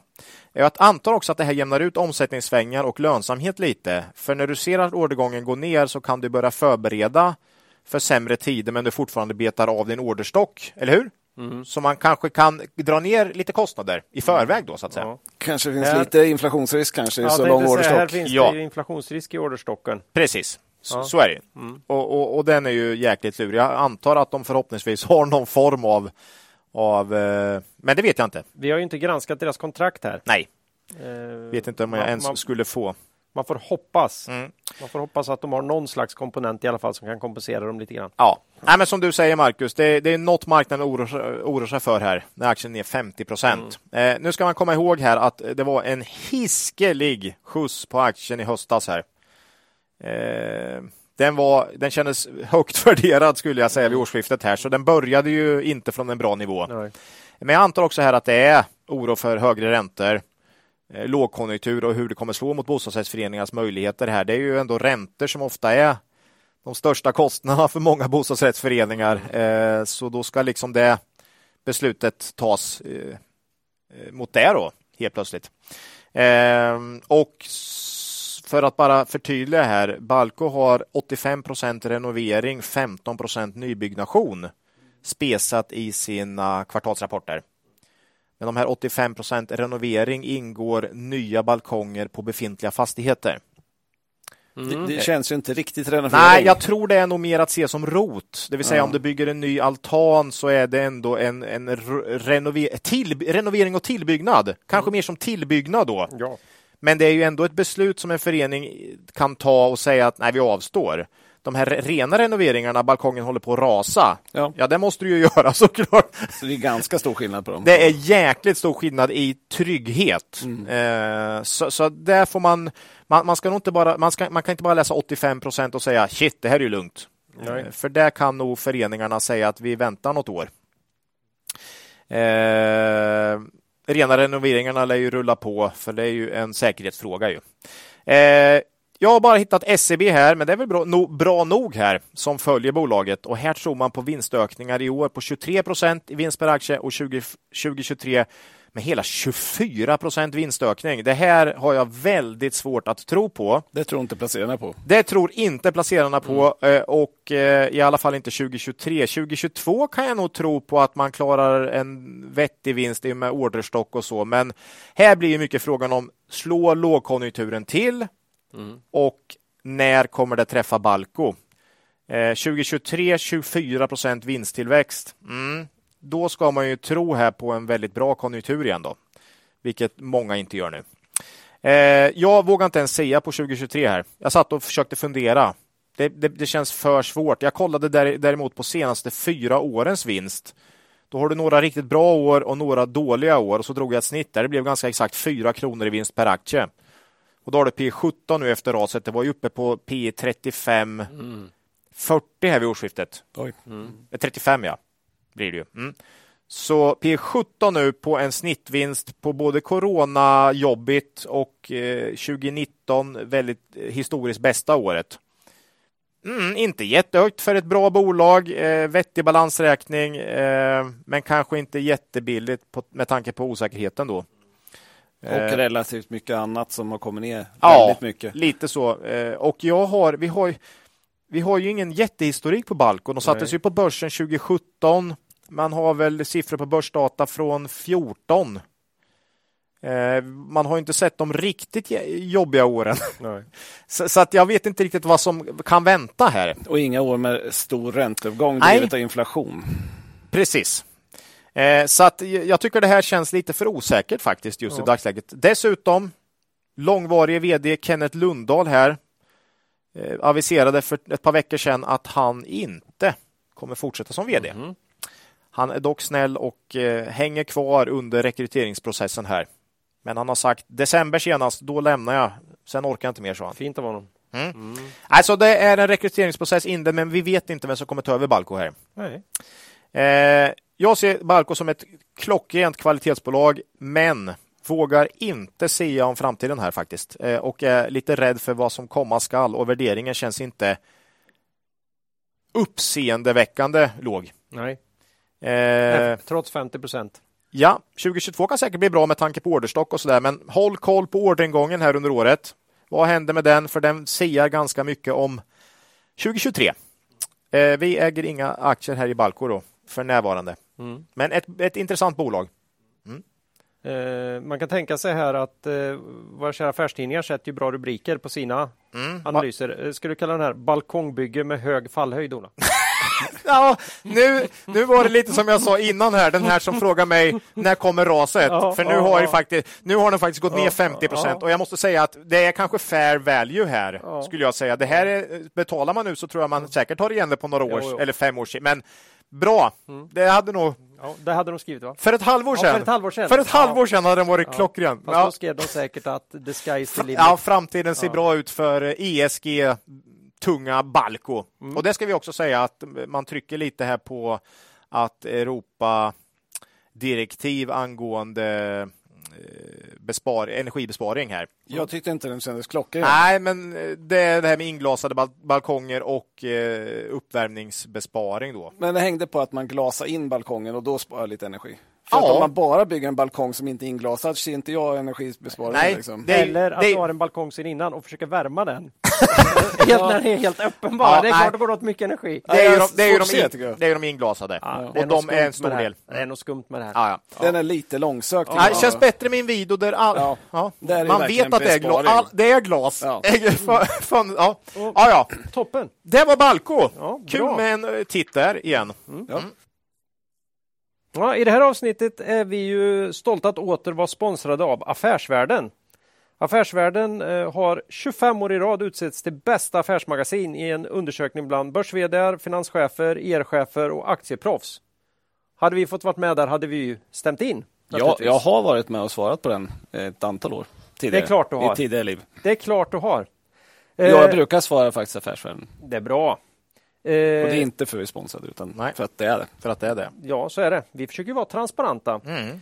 Eh, numera har de ju också då, förutom det här fantastiska pappersmagasinet som kommer ut på lördagarna, ett utmärkt digitalt magasin eh, som eh, man kommer åt via valfri webbläsare eller app. Va?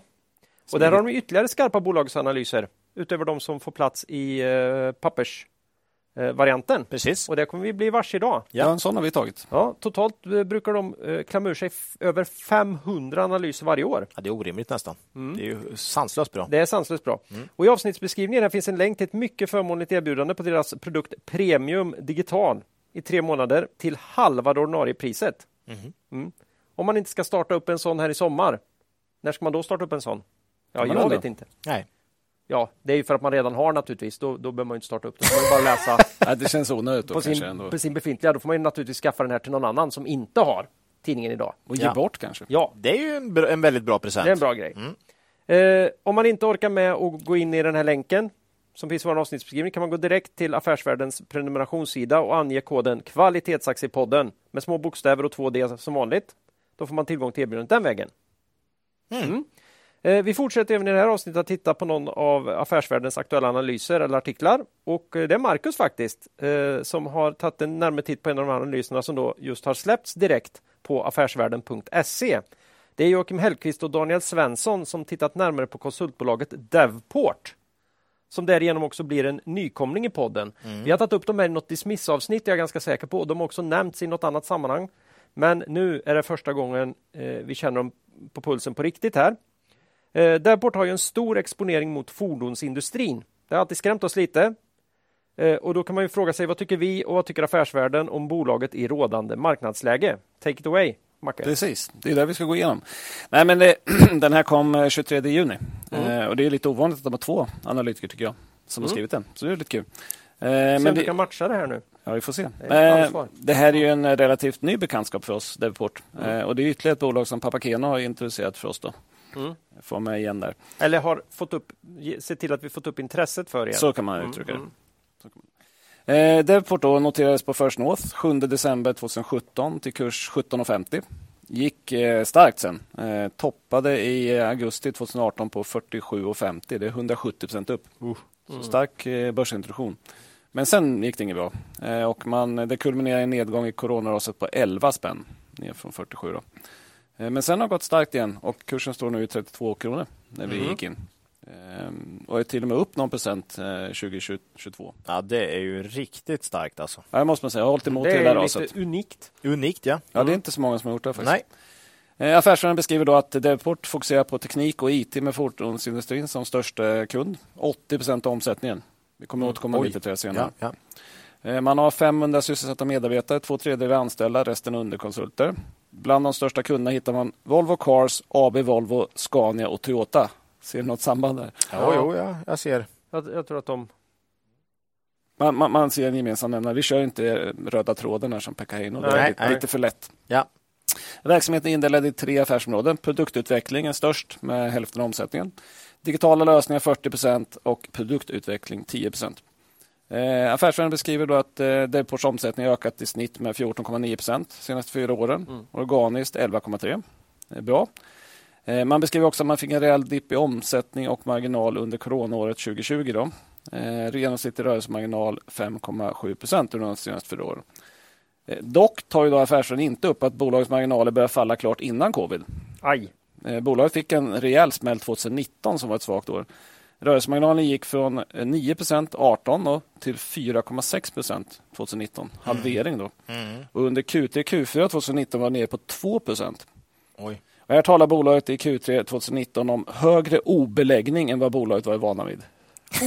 Beläggning! Obeläggning. Oj. Det är väl när man har folk på bänken då. Mm. De är inte belagda. Lägre beläggningsgrad brukar man ju säga ofta. Ja, de an- De, de tog in det. det nya ordet obeläggning. Ja. De kör som han, eh, han eh, Mu- Munger, Charlie Munger. Ja. Always invert va? ja, just det. Mm, då fick de en obeläggning i alla fall. Ja. Så att, eh, det var lite jobbigt. I Q4 talar man också utmaningar i timprissättningen inom framförallt fordonsindustrin. Mm. Prispress med andra ord. Mm. Eh, Vi ska återkomma till det lite grann senare också. Eh, ja, lagom till man fått näsan över vattnet och så kom ju sen covid. Eh, och nästa smäll då. Och här angav man i Q2 2022 så här. Flera av Deports större kunder har med kort varsel genomfört kraftiga neddragningar av både konsulter och egna anställda. Eh, detta har medfört att Deports omsättning och vinst sjunkit kraftigt under andra kvartalet. Omsättningen minskar 40 ebitda-resultatet blir minus 3,3 procent varav 8,5 procent avser engångskostnad för omstrukturering av verksamheten. Det vill säga uppsägning av kostnader äh, anställda. Då. Mm. Eh, så man drog i handbromsen redan under 19 men sen fortsatte man under 2020. Då. Ehm, I Q3 2020 hade man 242 konsulter, 119 underkonsulter. Det är 37% ner på konsulter, 36% ner på underkonsulter jämfört med innan problemen började i Q1 19. Snabb. Det är ganska Shit. mycket alltså. 38 ner. Hur, hur klarar man vinsten då? Ja, det är ju ner kraftigt. Jo, men var det Mm. plus ändå eller? Ja, man fick plus på helåret. Ja, Ehm, okej. Men, men, ehm, Mm. men kraftigt ner. Mm. Eh, Men sen har man då vänt på trenderna. Men fortfarande i Q1 2022 är det 8 färre anställda än innan man började Okej. problemen. Då. Ja. Eh, Affärsvärlden an- anger att man har gjort fyra förvärv sedan börsintroduktionen. Då. Eh, undantag för Adigo vars omsättning var 88 miljoner då, innan, förut innan man gjorde det här så var de ganska små då, mer strategiska förvärv. Eh, som andelsanalysen har man inga långsiktiga och kortfristiga skulder till kreditinstitut. Ja, det är alltid bra. Men i Q1 så hade man räntebärande skulder på 17 miljoner. Tyckte jag var lite konstigt då, när det stod så. Ja. Men det är tilläggsavskiljningar tydligen. Mm. Eh, lite oklart varför de ligger som räntebärande skulder. Jag tror inte att man betalar ränta på en, en post som man inte vet vilken storlek den är och när man ska betala ut den eller om man ska betala ut den. Konstigt. Så det är lite konstigt. Det får du nästan ta och titta på tycker jag. Mm. Eh, men man har 25,6 miljoner i kassan så att även om man skulle betala med fullt ut så har man nettokassa då, på minst 8 miljoner. Eh, Vi delar analysens slutsats då, att man har en stark finansiell ställning och det borgar för att man kan göra framtida förvärv. Då. Och det blir spännande att se om man kan hitta sånt. Och ett sånt får gärna vara inriktat mot en annan sektor än fordonsindustrin. Då. Ja. Affärsvärlden beskriver att bolaget har en målbild om att minska fordonsrelaterade omsättningen från 80 då ner mot 60. Mm. Vi tycker man får gärna gå lägre också. ja. Vi gillar ju det här med att sprida risker. Alltså. Exakt. Det är ju bra. Det, det, är, det, är, det är en risk att vara exponerad mot en, en del av industrin som dessutom är cyklisk Mm, och historiskt sett visat ut ett beteende där man kastat ut konsulterna ganska snabbt när det blir dåliga tider. Ja, jag eh, tänkte vara lite ironisk där och säga att det är ju ändå en ganska stabil bransch att luta sig. Det är det ju inte. Det finns ju inga som, som hoppar så fram och tillbaka som fordonsindustrin Nej, det så. Jag var ju själv lite konsult där i, i, i början på min karriär, i början på 2000-talet. Mm. Där, där Ford, eh, i, eh, ja man ägde väl Volvo då, eh, ja Volvo, eh, kickade ut alla konsulter på dagen. Mm. Bara för att visa liksom Nu är det allvar. Ja, nu, nu, nu är det allvar. Eh, lika, mycket, lika mycket mot ägarna som mot de stackarna som fick vara kvar. Mm. Jag tror att det höjde arbetsintensiteten lite ja, grann. Men liksom, inte... Man måste ju tappa också, ja, för konsulterna gör väl förhoppningsvis Nej, Favoriten var att det projektet jag var inne i var delfinansierat av Energimyndigheten, så man backade någon miljon på att kasta ut oss, men det spelade ingen roll. Nej, det, var det, det blev för administrativt för svårt Det var mer ett state, statement. Och det fanns ju utvecklingskonsulter som definitivt fick gå då, mm. som det var ju jätte Ja, det var jättedåligt. Det här är ju ett specialcase. Yep. Jag tror säkert det är känt, men det är ganska snabba ryck för intjäningen hade ju bara försvunnit. Mm. Någon hade dragit ur proppen, det var lite svagare konjunktur och swish va? Ja, jag vet ju hur det var 2008 också när Volvo, när Volvo presenterade en negativ orderingång. Oh, Folk ja, av äh, lastbils, lastbilssidan. Ja, om jag kommer ihåg rätt så var det Q4 2008 då det var negativ orderingång, mm. det vill säga att det var fler som hade dragit tillbaks Eh, sina ordrar än som la nya. Eurokrisen?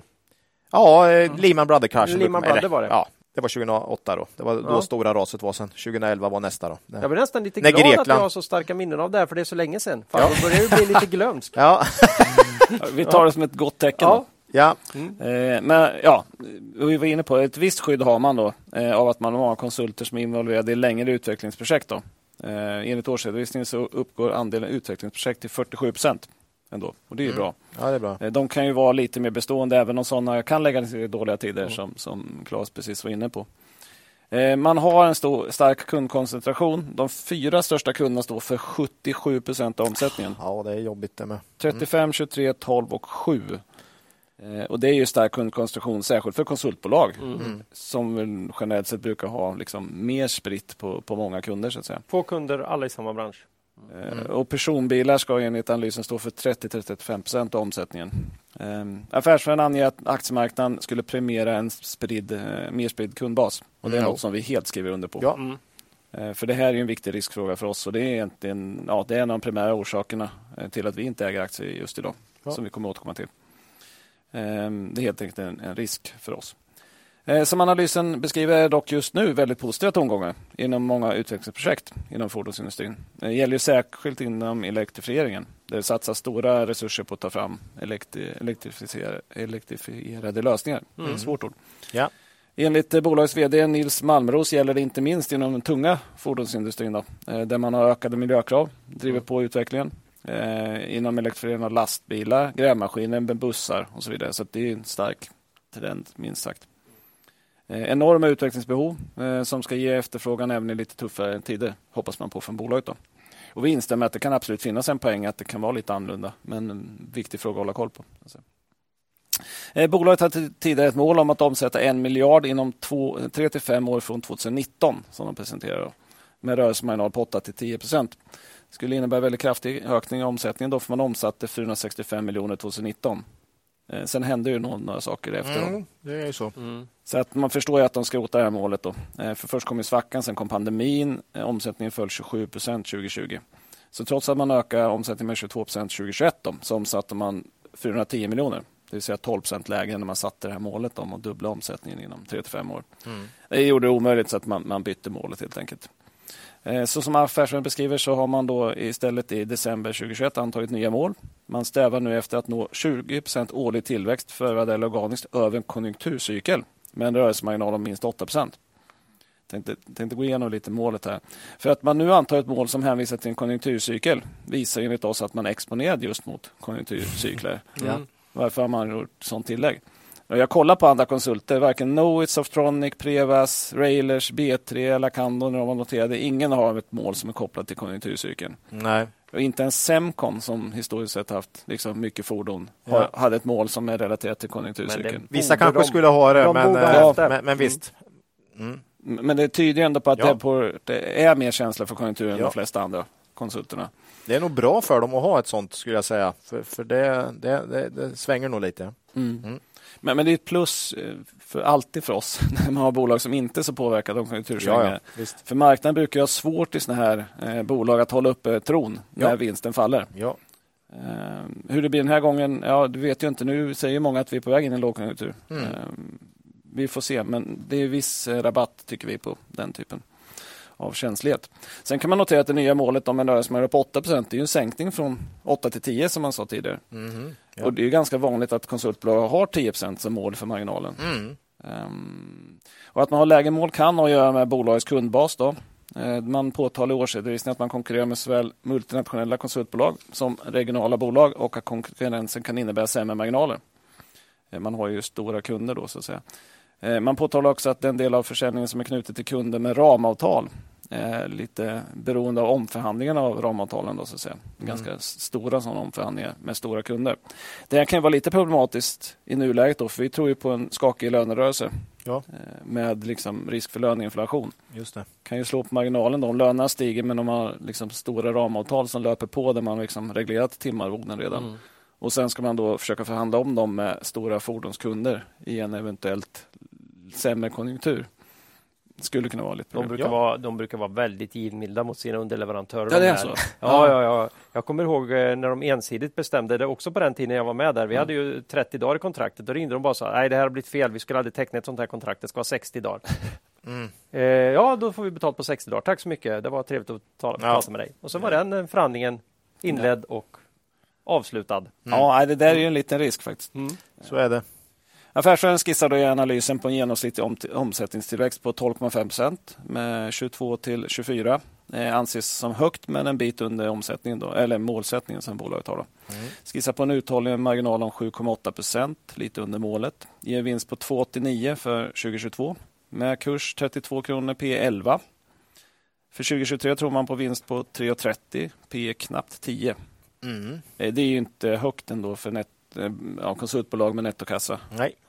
Eh, man ser i huvudscenariot en avkastningspotential på 45 procent. Sätter köp då. Här tar man fasta på att det finns en strukturell tillväxt i elektrifieringen. Då, mm. Jo, det är sant. Ja. Fordonsflottan. Mm, mm. Att det borde kunna hålla uppe efterfrågan även i konjunkturnedgång. Och vad tror vi då? vi kan konstatera att Deport har ökat vinstmarginalerna i sex kvartal i rad i förhållande till föregående år. Bra, man har vänt marginalutvecklingen.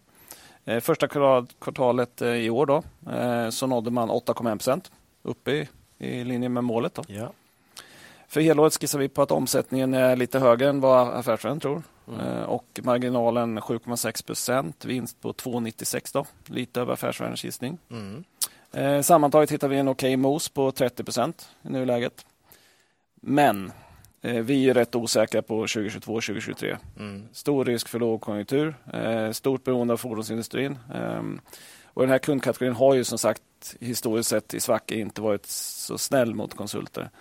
Ehm, sen ska man ha med sig det här totala stoppet under pandemin som vi redogjorde för förut. hade ju till att göra med också att hade man kvar konsulterna fick man inte behålla sina lönebidrag. Nej, just det, såklart. Ja. Man var ju tvungen att kasta ut dem. Mm. Så då blev det nog ännu värre än vanligt. Liksom. Mm i en vanlig lågkonjunktur så, så, så ja, de kanske är hårda men inte lika hårda. Så att mm. säga. Men, men, den här osäkerheten gör att vi inte köpt in några aktier utan vi, vi avvaktar och följer utvecklingen från sidan. Eh, man har gjort en fin turnaround efter problemen 19 och 20 men vi, vi skulle gärna se att man diversifierade kundbasen lite mer. Dessutom ingen högutdelare som många av konsulterna. Eh, men man förvärvar väl lite eh, kanske istället. Då. Ja, mm. Man har ju en nettokassa som man skulle kunna dela ja, ut med. Men, nä nästan det. Men man har hintat lite grann kring förvärv också. Ja. Och vi skulle gärna se att man gjorde förvärv. Och de har pratat om att man ska göra i de här digitala områdena som man arbetar inom. Mm. Och det vore jättebra för då minskar man ner riskerna lite grann. Ja. Eh, så. De känner att de är lite svaga i Daimler-gruppen så de ska försöka... Nej, de ska in på Renault nu. Ska de. Ja. nej, nej, men det, det är bra. Gärna, gärna bredda. Ja, men bredda. Gött. En sån diversifiering minskar risken i mm. caset och vi är mycket för att minska risker. Då, så att, ja, mm. precis. Så det var väl Devport. Och sen kommer de med ett förvärv och säger det där är ju något helt annat än att jobba med idag. Det vågar vi inte lita på. nu har vi ingen kan... aning om vad de ju... Nu har vi ingen historik. Det, det får vi vänta ett tag till. Teknik, det vet vi ingenting om. Nej, de kan inte vinna, stackarna. Ja. Nej, men på lång, alltså fordonsindustrin kommer säkert gå bra om du ser tio år från nu med elektrifiering och allt. Ja. Så att på lång sikt är det säkert, men just den här svängningarna, det är, ja. det är mer det som är det jobbiga här. Sen är det 30 mos, men, men det är mycket ja. som har 30, 40, 50 procent mos som det ser ut just nu. Affärsvärlden positiva i alla fall. Mm. Vi är avvaktande. Ja. ja. Så. Eh, och tack säger vi också då till vår sponsor Affärsvärlden. Ja, mm. tack. Ett bolag kvar idag då. Mm. Det är ju Marcus som får fortsätta jobba här. Det här är ju ett, nu, nu kommer vi upp på de stora listorna. Nej, ja, idag, idag är det ganska mycket smått här då. Mm, ja. Vi tar... Eh, eh tar eh, och, det, det, är inte index, det är inte indexpodden här. Nej, Devport designade bilen över till Norge va? Mm, ja. Och eh, tittar till HAV. De har varit med en gång förut. I avsnitt 113. Ja. Eh, Det här är ett bolag som håller på med en hel del olika saker eh, runt just hav. De renar ballastvatten eh, samt designar och elektrifierar båtar. Bland annat. Då tänker man sig det är en riktig ESG-värdering på detta, eller? Nej, det kan man inte säga. Det kan man inte säga. Nej, det kan man Nej, inte säga. det är Nej. väldigt låg värdering. Ja. Men, men eh, det finns lite anledningar till det. här, För att när man är ute och ska liksom försöka pro prognostisera det här så är man ute på djupt vatten. Då. Oh, att- oh. Bam, bam. Jag gjorde, gjorde en klas där. Ja, Snyggt. nej, det... Ja. Trumvirvel. Nej, men vi, vi, vi konstaterade redan förra gången att det här är lågt värderat. Eh, men att, eh, och det är lite konstigt för det har ju ESG-egenskaper så att vi tycker att det borde kunna vara po eh, Jag är ute populärt. nu igen. Men, men, men det är stor del projektkaraktär, väldigt svårt att prognostisera. Eh, men hur såg det ut i Q1 då? Eh, och vi har inte ändrat uppfattning efter den här rapporten direkt. Eh, VD angav, angav på konfkollet att det varit ett exciting quarter. Det låter ju bra. Ja, Med titta norsk brytning också, eller? Ja. Exciting quarter. Exciting quarter. Lite intressant uttalande för omsättningen var ner 35 procent. 199 miljoner norska. Resultatet ner 58 procent. Ja, Rörelse- ja. Rörelseman har 4 procent från 6,8 procent, eller 6,2 procent förra året.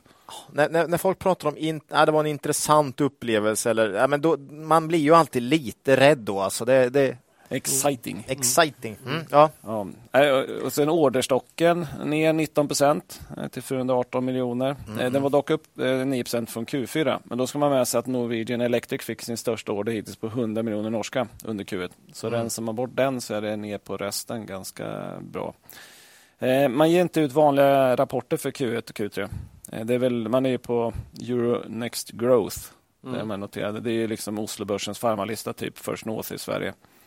Eh, kvartalsinformationen som man ger ut det är klen, måste man säga. Men de har conf calls där man lämnar en massa mer information. Så det är typ det. Och, och nu har de den med på engelska, inte på norska som i början. Norska nu- är inte lätt alltså, ibland. Eh, Norska är en, en, en, ändå lättare än, än danska ja, det är för, bättre än danska, mig. absolut. Men, men eh, jag håller med. Men, men, Det är en eh, hel del man missar. Nu är det engelska så det är bättre. Men tittar man på olika affärsområden så är det väldigt olika utveckling under Q1. Eh, Det normalt sett största affärsområdet, Hav Design, då, eh, hade ett helt uselt kvartal. Omsättning 91 procent ner, resultatet minus 95 procent. Exciting. Eh, man nådde en marginal på 1,3 procent mot 7 procent förra året. Man skyller på covid, långa ledtider, men det är ju den här typen av slag vi inte gillar. Hur ska man kunna prognostisera det här? Liksom? Jobbigt. Mm. Sen är det här lite speciella området. Det är de här som har... ehm, man, man, man, det är ju som med bilen när du servar att du får en, en faktura från, från verkstaden där man har lagt till ja, byte av olja och massa sådana saker som de har köpt in. Vindrutetorkare. Som man, vindrutetorkare som man vidareförsäljer. Så att, men det är ändå ett jättetapp eh, som jag tycker inte de ger sig. Liksom covid, ja, jo, det kan man väl skylla på men det är inte så lätt nu längre tycker jag. Nej. Eh, Norwegian Greedtech då, eh, den här reningen av barlastvatten, hade ett jättestarkt kvartal istället. Omsättning upp 160 procent till 82 miljoner. Rörelseresultatet 566 procent upp till 8 miljoner. Det är fördelen med lite olika Ja, gunga, gungor och karuseller. och här är verkligen så. Rörelsemarginal 9,7 procent mot 3,5 procent förra året. Eh, och de tror på stark marknad i tre, fyra år till. Det är den här lagstiftningen som vi talade om senaste gången, att man måste byta ut eh, barlastreningen. Då. Efter det ser man att det blir mer normal efterfrågan inom nybyggen. Eh, men inte så många ombyggnadsprojekt då, för de har bytt på de båtarna som finns redan. Men man hoppas på mer eftermarknad och service då, eh, ju fler installationer man har hunnit med att göra. Eh, på Comcall sa man också att man har lite bättre marginaler på eftermarknad. Då. Lite skillnad från HAV, där, eller från, från Neckar som vi pratade om, som inte nådde upp till samma marginaler på efterhanden. Mm. De hade redan sådana brutala marginaler från Exakt. början. Så det är lite skillnad här. Mm. Eh, på Comfort sa man också att eh, man har ju egna system då, så det går inte att ta vilka delar som helst till dem. Så det finns ett visst beroende av kunderna att fortsätta använda dem eh, även för servicen. Då. Eh, och sen tror man på god potential inom laxodlingarna på land då, som vi talade om. Man har levererat till 15 sådana fiskfarmer hittills. Då. Så man Ja. har kommit igång här ändå. Bra. Eh, och så räknar man att det här ska öka 10x, alltså 10 gånger fram till 2025. Mm. Eh, just själva marknaden i stort. Då. Sen får man se hur mycket de tar. Mm. Men den här delen ser ju klart mest intressantast, intress- den klart intressantaste delen i, i HAV. Då, Mm. jag säga. Ja. Eh, sen har man Norwegian, Ele- Norwegian Electric System, det är eldriften av färger. Omsättning på eh, 96 miljoner, det är upp 69 procent. Men Vad är den röda tro... Ja, vad, vad, är det Ja, vatten? Det är hav. Hav. Ja. Ja, det, är, det är jäkligt sp- spritt på något sätt. spritt, men, men eh, båtar och eh, vatten. Båtar och, och vatten. Hav är ju i och för sig ett bra namn då. Eh, Rörelseresultatet eh, minus 55 procent. Svag marginal om 0,9 procent. Skyller även här på lågt orderintag från covid och långa ledtider. Det är många som har gjort faktiskt. Vi får se hur... eh, Hur, hur länge kan man göra det? Ja, Eh, Men sen säger man också att de har lågt kapacitetsutnyttjande inom den här delen. Det låter ju inte så jättebra. nej det är inte jättebra nej. För om man dessutom inte har så mycket orderingång så kommer ju inte det här bli bättre i kommande rapporter, tänker jag. Nej. Eh, så vad tycker vi då eh, om HAV? Jo, men det är lågt värderat, det måste man säga. Vi uppskattar en skattenormaliserad vinst för 2021 till 1,98 som vi sa i förra podden. Kurs 14 när vi gick in, norska. P 7. Det, det är lågt. Det är inte jättehögt. Bolaget har stark finansiell ställning också för man får ju stora förskott från kunderna. Kan därför ha negativt eh, rörelsekapital. Det är bra. I Q2 hade man 373 miljoner i kassan och börsvärde på 512. EV ebit här, eh, larvigt lågt då. Ja, jag kommer komma till det. Man, men, men sen är det lite speciellt då, för man har förskott på 204 miljoner. Eh, och Ja, det är lite Det är ett liksom, lån. Ja, det- är lite tveksamt att se det här som en vanlig kassa i och med att man har ju liksom förskott. Man kommer få kostnader för det här när man ska leverera. Då. Eh, och så man kan inte disponera likviditeten fritt. Då. Nej, nej. Eh, så drar man bort förskotten, tog jag bort allihopa. Då. Det är lite taskigt. Men... Ja. Och så har man 61 miljoner i, i, i, en, i skuld. Då. Så har man nettokassa på 110 miljoner istället. Men man får ev ebit 4,2. Då. Herregud. Så det, Det här är ju sjukt lågt alltså. det är sjukt lågt. Mm. Eh, Men problemet är för oss, det går inte att prognostisera hur det här går. Jag menar, huvudverksamheten i ett kvartal tappar 91 procent av omsättningen. ja, det är inte Det det, var ju- här stabila. Det var ju covid ju. Ja, jo, men det var covid förut också. Ja, men det konstiga var ju covid och jämförelsekvartalet också. Och då, Ja. Men jag menar, det, går- det går ju inte. Nej, liksom. för oss går det inte i alla fall. Vi, vi har jämfört HAM med Neckar och en Ja. sån jämförelse så vinner Neckar för att deras core-verksamhet är mycket stabilare. Mm. Sen, sen de här optionsdelarna i HAV då, eh, har kommit mycket längre än vad Neckars har gjort och är intressant. Ja, egentligen, jag tycker särskilt den här eh, Greentech är intressant och går ju bra nu. Mm. Men kontentan blir samma sak som förra gången. Lågt värderat bolag. Eh, säkert jätteintressant för den som har specialkunskap om områdena. Absolut. Men då kan man väl Eh, köpa ut hela bolag, tänker jag. Och söka till Om, om någon eh, har de pengarna. Det om man känner, det är ju skitlågt värderat. Om Jo, man, det blir ju det. ja. Så att, men, men vi har, det är för svårt för oss. Vi, vi Ja. har inga aktier eh, och jag har inga i pensionssparet heller. Aktien plus minus noll i år ser jag. Det är ju starkt. Ja, det är ju starkt. Mm. Men det är ju lågt värderat så det, det, det finns någon sorts kudde på hur mycket man kan falla liksom, Ja, ja. med tanke på värderingen. Delar de ut? Nej, det gör de inte. Nej, de delar inte ut, men de har återköpt aktier däremot. eh, Okej. Som de har sagt att de ska ha för att liksom, kunna köpa andra bolag. Och så. även, även låga P kan ju gå snabbt uppåt om et faller Jo, ihop. jo. Precis. Men nu har de ändå fyra om... Alltså det känns... och- Ja, Ja. lite spridning. Men, Man men hoppas som ju. sagt, Ja. Mm. Men, Ja. men ja, så, så att det är värt för någon att titta på som har extra kunskap. Men, men det är svårt för oss, vi kan inte prognostisera. Nej. Ja, men det Eh, är då- intressant. Då kan vi väl sammanfatta hela, det här bolags, eh, hela den här bolagsdelen med det unika att vi äger ingenting Nej. av det här Nej. i något, någonstans. Nej, faktiskt inte. Det har Nej. aldrig hänt förut. Nej, det är svår, svårt nu. Eh, Se om det kommer hända igen. Igen. Mm. Tack så jättemycket för det. Vi är framme på tävlings, eh, Ja. tävling står det här. Mm. Hur gick det? Eh, I förra avsnittet släppte jag ju bomben att vi inte riktigt kunde gå, igenom alla mejl vi fått in gällande utlottning av, av eh, Ludvig Rosenstam Åmans bok Så var det. 101 tankar om aktier. Vi är kapp. Och Det är vi. eh, det har ju äntligen blivit dags att avslöja vinnarna. Mm. Vi har då valt ut 10 vinnarmail med, med frågor. Eh, där det var frågor med i mejlen. Mm. Eh, de kommer ha med sina frågor i specialavsnittet som släpps den 4 augusti. Så här. Eh, Bland övriga mejl, både med och utan frågor, så har Excel lottat fram ytterligare 10 vinnare. Japp. Mm. Och samtliga här, oavsett hur man har kommit till det här, får en bok signerad av författaren själv och så kanske vi har kluddat lite i den också. Det är ju lite taskigt när man liksom ser den här, oh, kul att få den signerad av författaren. jag kan införa ett erbjudande här att skicka tillbaka skiten då så får ni en annan. så, så behåller jag den här som vi har kluddat i själv då. Ja, ja. Jag ser det lite som man får Roger Federers och sen så får man liksom en av bollkallarna som, som, li- som, som liksom har kluddat till under va. Det, ja. Ja, jag gjorde faktiskt en gallup här, var i kontakt med två stycken av vinnarna här eh, på grund av oklara. De ville ha bollkallarnas adress och de ville ha bollkallar. Ja, Okej, ja, ja. kör på. Shoot, Så då shoot. kände jag att Mm, då, Ah. kör vi så. då kör vi så. Ah. Ja, ja. då gör vi så då. ja.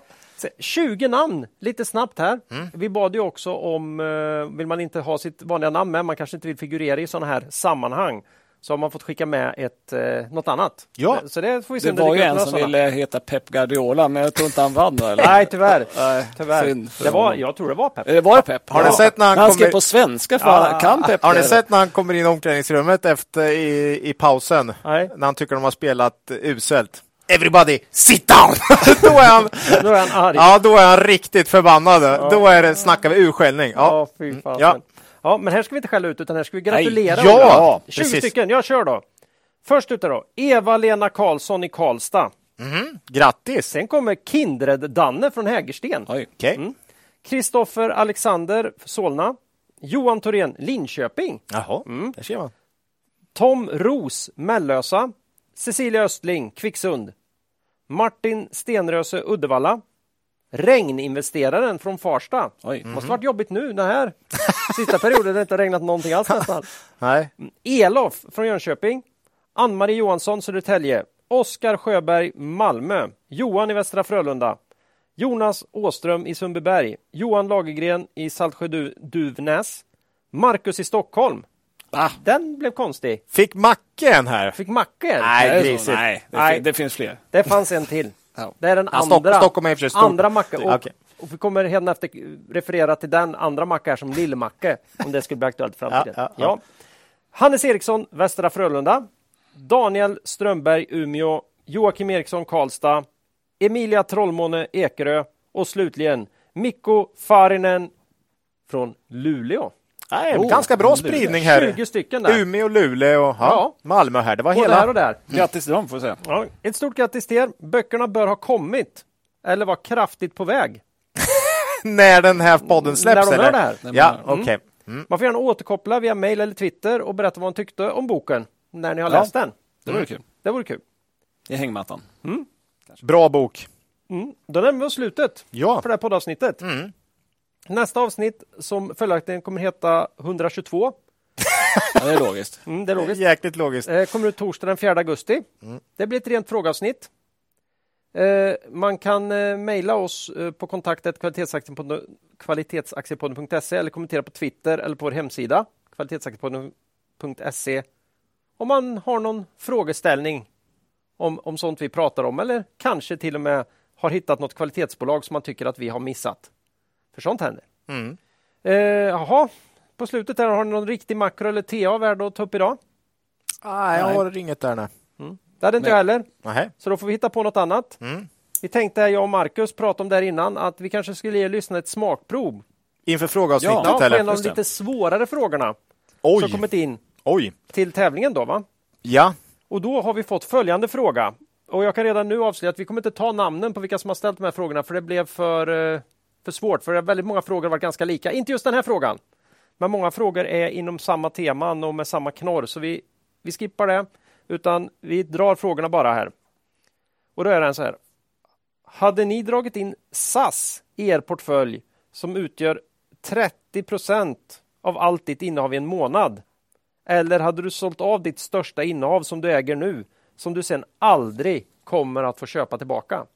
Ska vi sammanfatta det? här? Ska vi alltså alternativet är att du, du, vi får sälja av så vi kan köpa SAS för 30 procent av portföljen och så måste vi ligga på den en månad. Eller så måste vi sälja vårt största, in, största innehav just nu och aldrig få köpa tillbaka det. Det är en taskig fråga. Den är hård. Det här har vi stött och blött. Vi har lite olika svar för här. mig, för mig är det såklart. Jag, jag hatar ju permanent loss av Mm. money så mycket så jag skulle inte ens våga ligga i en månad i SAS faktiskt. Så Inte en dag. nej, jag tar nog och, och kränger av Proact här och säger eh, Tack och hej. det finns ändå För alltid. Ja, För det, alltid. det finns ändå så mycket bra bolag där ute så just den här risken att gå till noll med 30 procent, den är jobbig att ta igen. Men det är i och för sig en månad. Det det är lätt att gambla på en månad känner jag. Men, Finns, men, det, finns det någon annan här runt bordet som skulle kunna tänka sig att ta den? för, för mig skulle jag säga sälj av eh, mitt största och eh, ja, köpa något annat för det helt enkelt. Det skulle jag göra för att jag, jag är så rädd för permanent loss här. Mm. I- i- det är kul för vi diskuterar. Jag, jag har ju. Alltså det är bara en månad. how bad can it be? Liksom. Ja, verkligen. ja, ja, lite så. Och, och, och jag gillar mitt största innehav, så jag vill inte någonsin få äga aktier igen. I och för sig nu eh, blir inte konkurs inom en månad va? Och sen är det ju jobbigt, för nu Ja, händer säg det du. För det händer hur mycket som helst just nu. Ja, precis. det är strejk. Va? Ja, Det är därför frågan är så elakt ställd att ta Ja. den just nu. Ja, vad skulle du gjort Marcus? Nej, Då? men då skulle jag... jag Du skulle gamblat? Ja, jag, jag skulle gamblat. Jag, Oh! jag, jag vill inte 30 liksom... procent, ja. Ja, och, så får man se liksom. Det är, Tänk ja, om det kommer ett bud. det, det är bara en månad liksom. ja, det hade det varit något. ett halvår, hade det varit, då, då får man ju tyvärr Ja. säga ja. Ja. Men, men det är en- bara en månad. Mm. Men, men det kan man ju få äta upp om en månad. Att eh, titta hur dåligt SAS gick. Så Mm. Ja. Det är en kul fråga, men svår. Mm. Ja, jag, jag väljer att felläsa frågan här istället och ta 30 i ett SAS-bolag. Okej. Det är min lösning på det. Ja, det, de har tappat rejält, så Ja. det, det kan vara... Det kanske Det är blir bra klart på bättre, sikt. men- Ja, det, det tror jag är bättre, ja. Men det tycker jag är Nej, fusk. jag hade aldrig, jag hade aldrig kunnat köpa SAS. SAS, så nej. det är tyvärr. Mm. Då Så är det. Två Ja. mot en där då. Kul fråga. Vi fick en del sådana kul frågor, så Ja. vi tänkte vi kan ta en redan nu. Ja, Lyssna på speciellt. nästa avsnitt, för då kommer det mer av frågevaran. Ja. Så är det. Eget ägande. Nej, det var blankt där idag, Det var ja. blankt. Mm. Eh, Det gick fort. Det gick fort här. Så då innan vi skiljs åt så vill vi ju påminna lyssnare om den fina möjligheten som finns att månadsspara i Cavaliers fonder. Det kan man enkelt göra bland annat via Nordnet och Avanza. Eh, och då även i sitt pensionsspar eventuellt kan man kolla upp. Eh, man ska komma ihåg att historisk avkastning i fonder inte behöver vara en indikator på framtida avkastning och att man kan förlora delar av sitt satsade kapital då fonder både kan gå upp och ner i värde. Mm. Mm. Är man lyssnare på den här podden och undrar mer om eh, vår investeringsfilosofi, inte minst så här i orostider, så går vi ju igenom det i ordentligt avsnitt 108. Just och det. nu eh, hittar man det avsnittet enkelt under den nya rubriken eh, på vår hemsida eh, som är ju kvalitetsaktiepodden.se. Där finns nu rubriken Vår filosofi. Det är ju logiskt. Och den utgörs egentligen av eh, texten till det avsnittet och avsnittet i sig. Ja, det är bra. Mm, kanske kan... Vi sammanfattar det med en podd, helt enkelt. Ja, vi, vi kanske tar och gör lite mer textmaterial runt det där med tiden, men det får vi se. Eh, sannolikt inte med tanke på hur eh, dålig jag är på sånt. Mm. Hoppas. Eh, affärsvärldens fina erbjudande, det hittar man ju i avsnittsbeskrivningen. Med det så vill vi ju tacka alla lyssnare för visat intresse och önskar alla en riktigt skön sommar. Så är det. Och då hoppas vi att de får gott om tid att reflektera över följande visdomsord. Det är först när tidvattnet drar sig tillbaka som du får se vem som badat naken. Lose money for the firm and I will be understanding. Lose a shred of reputation for the firm and I will be ruthless. I welcome your questions.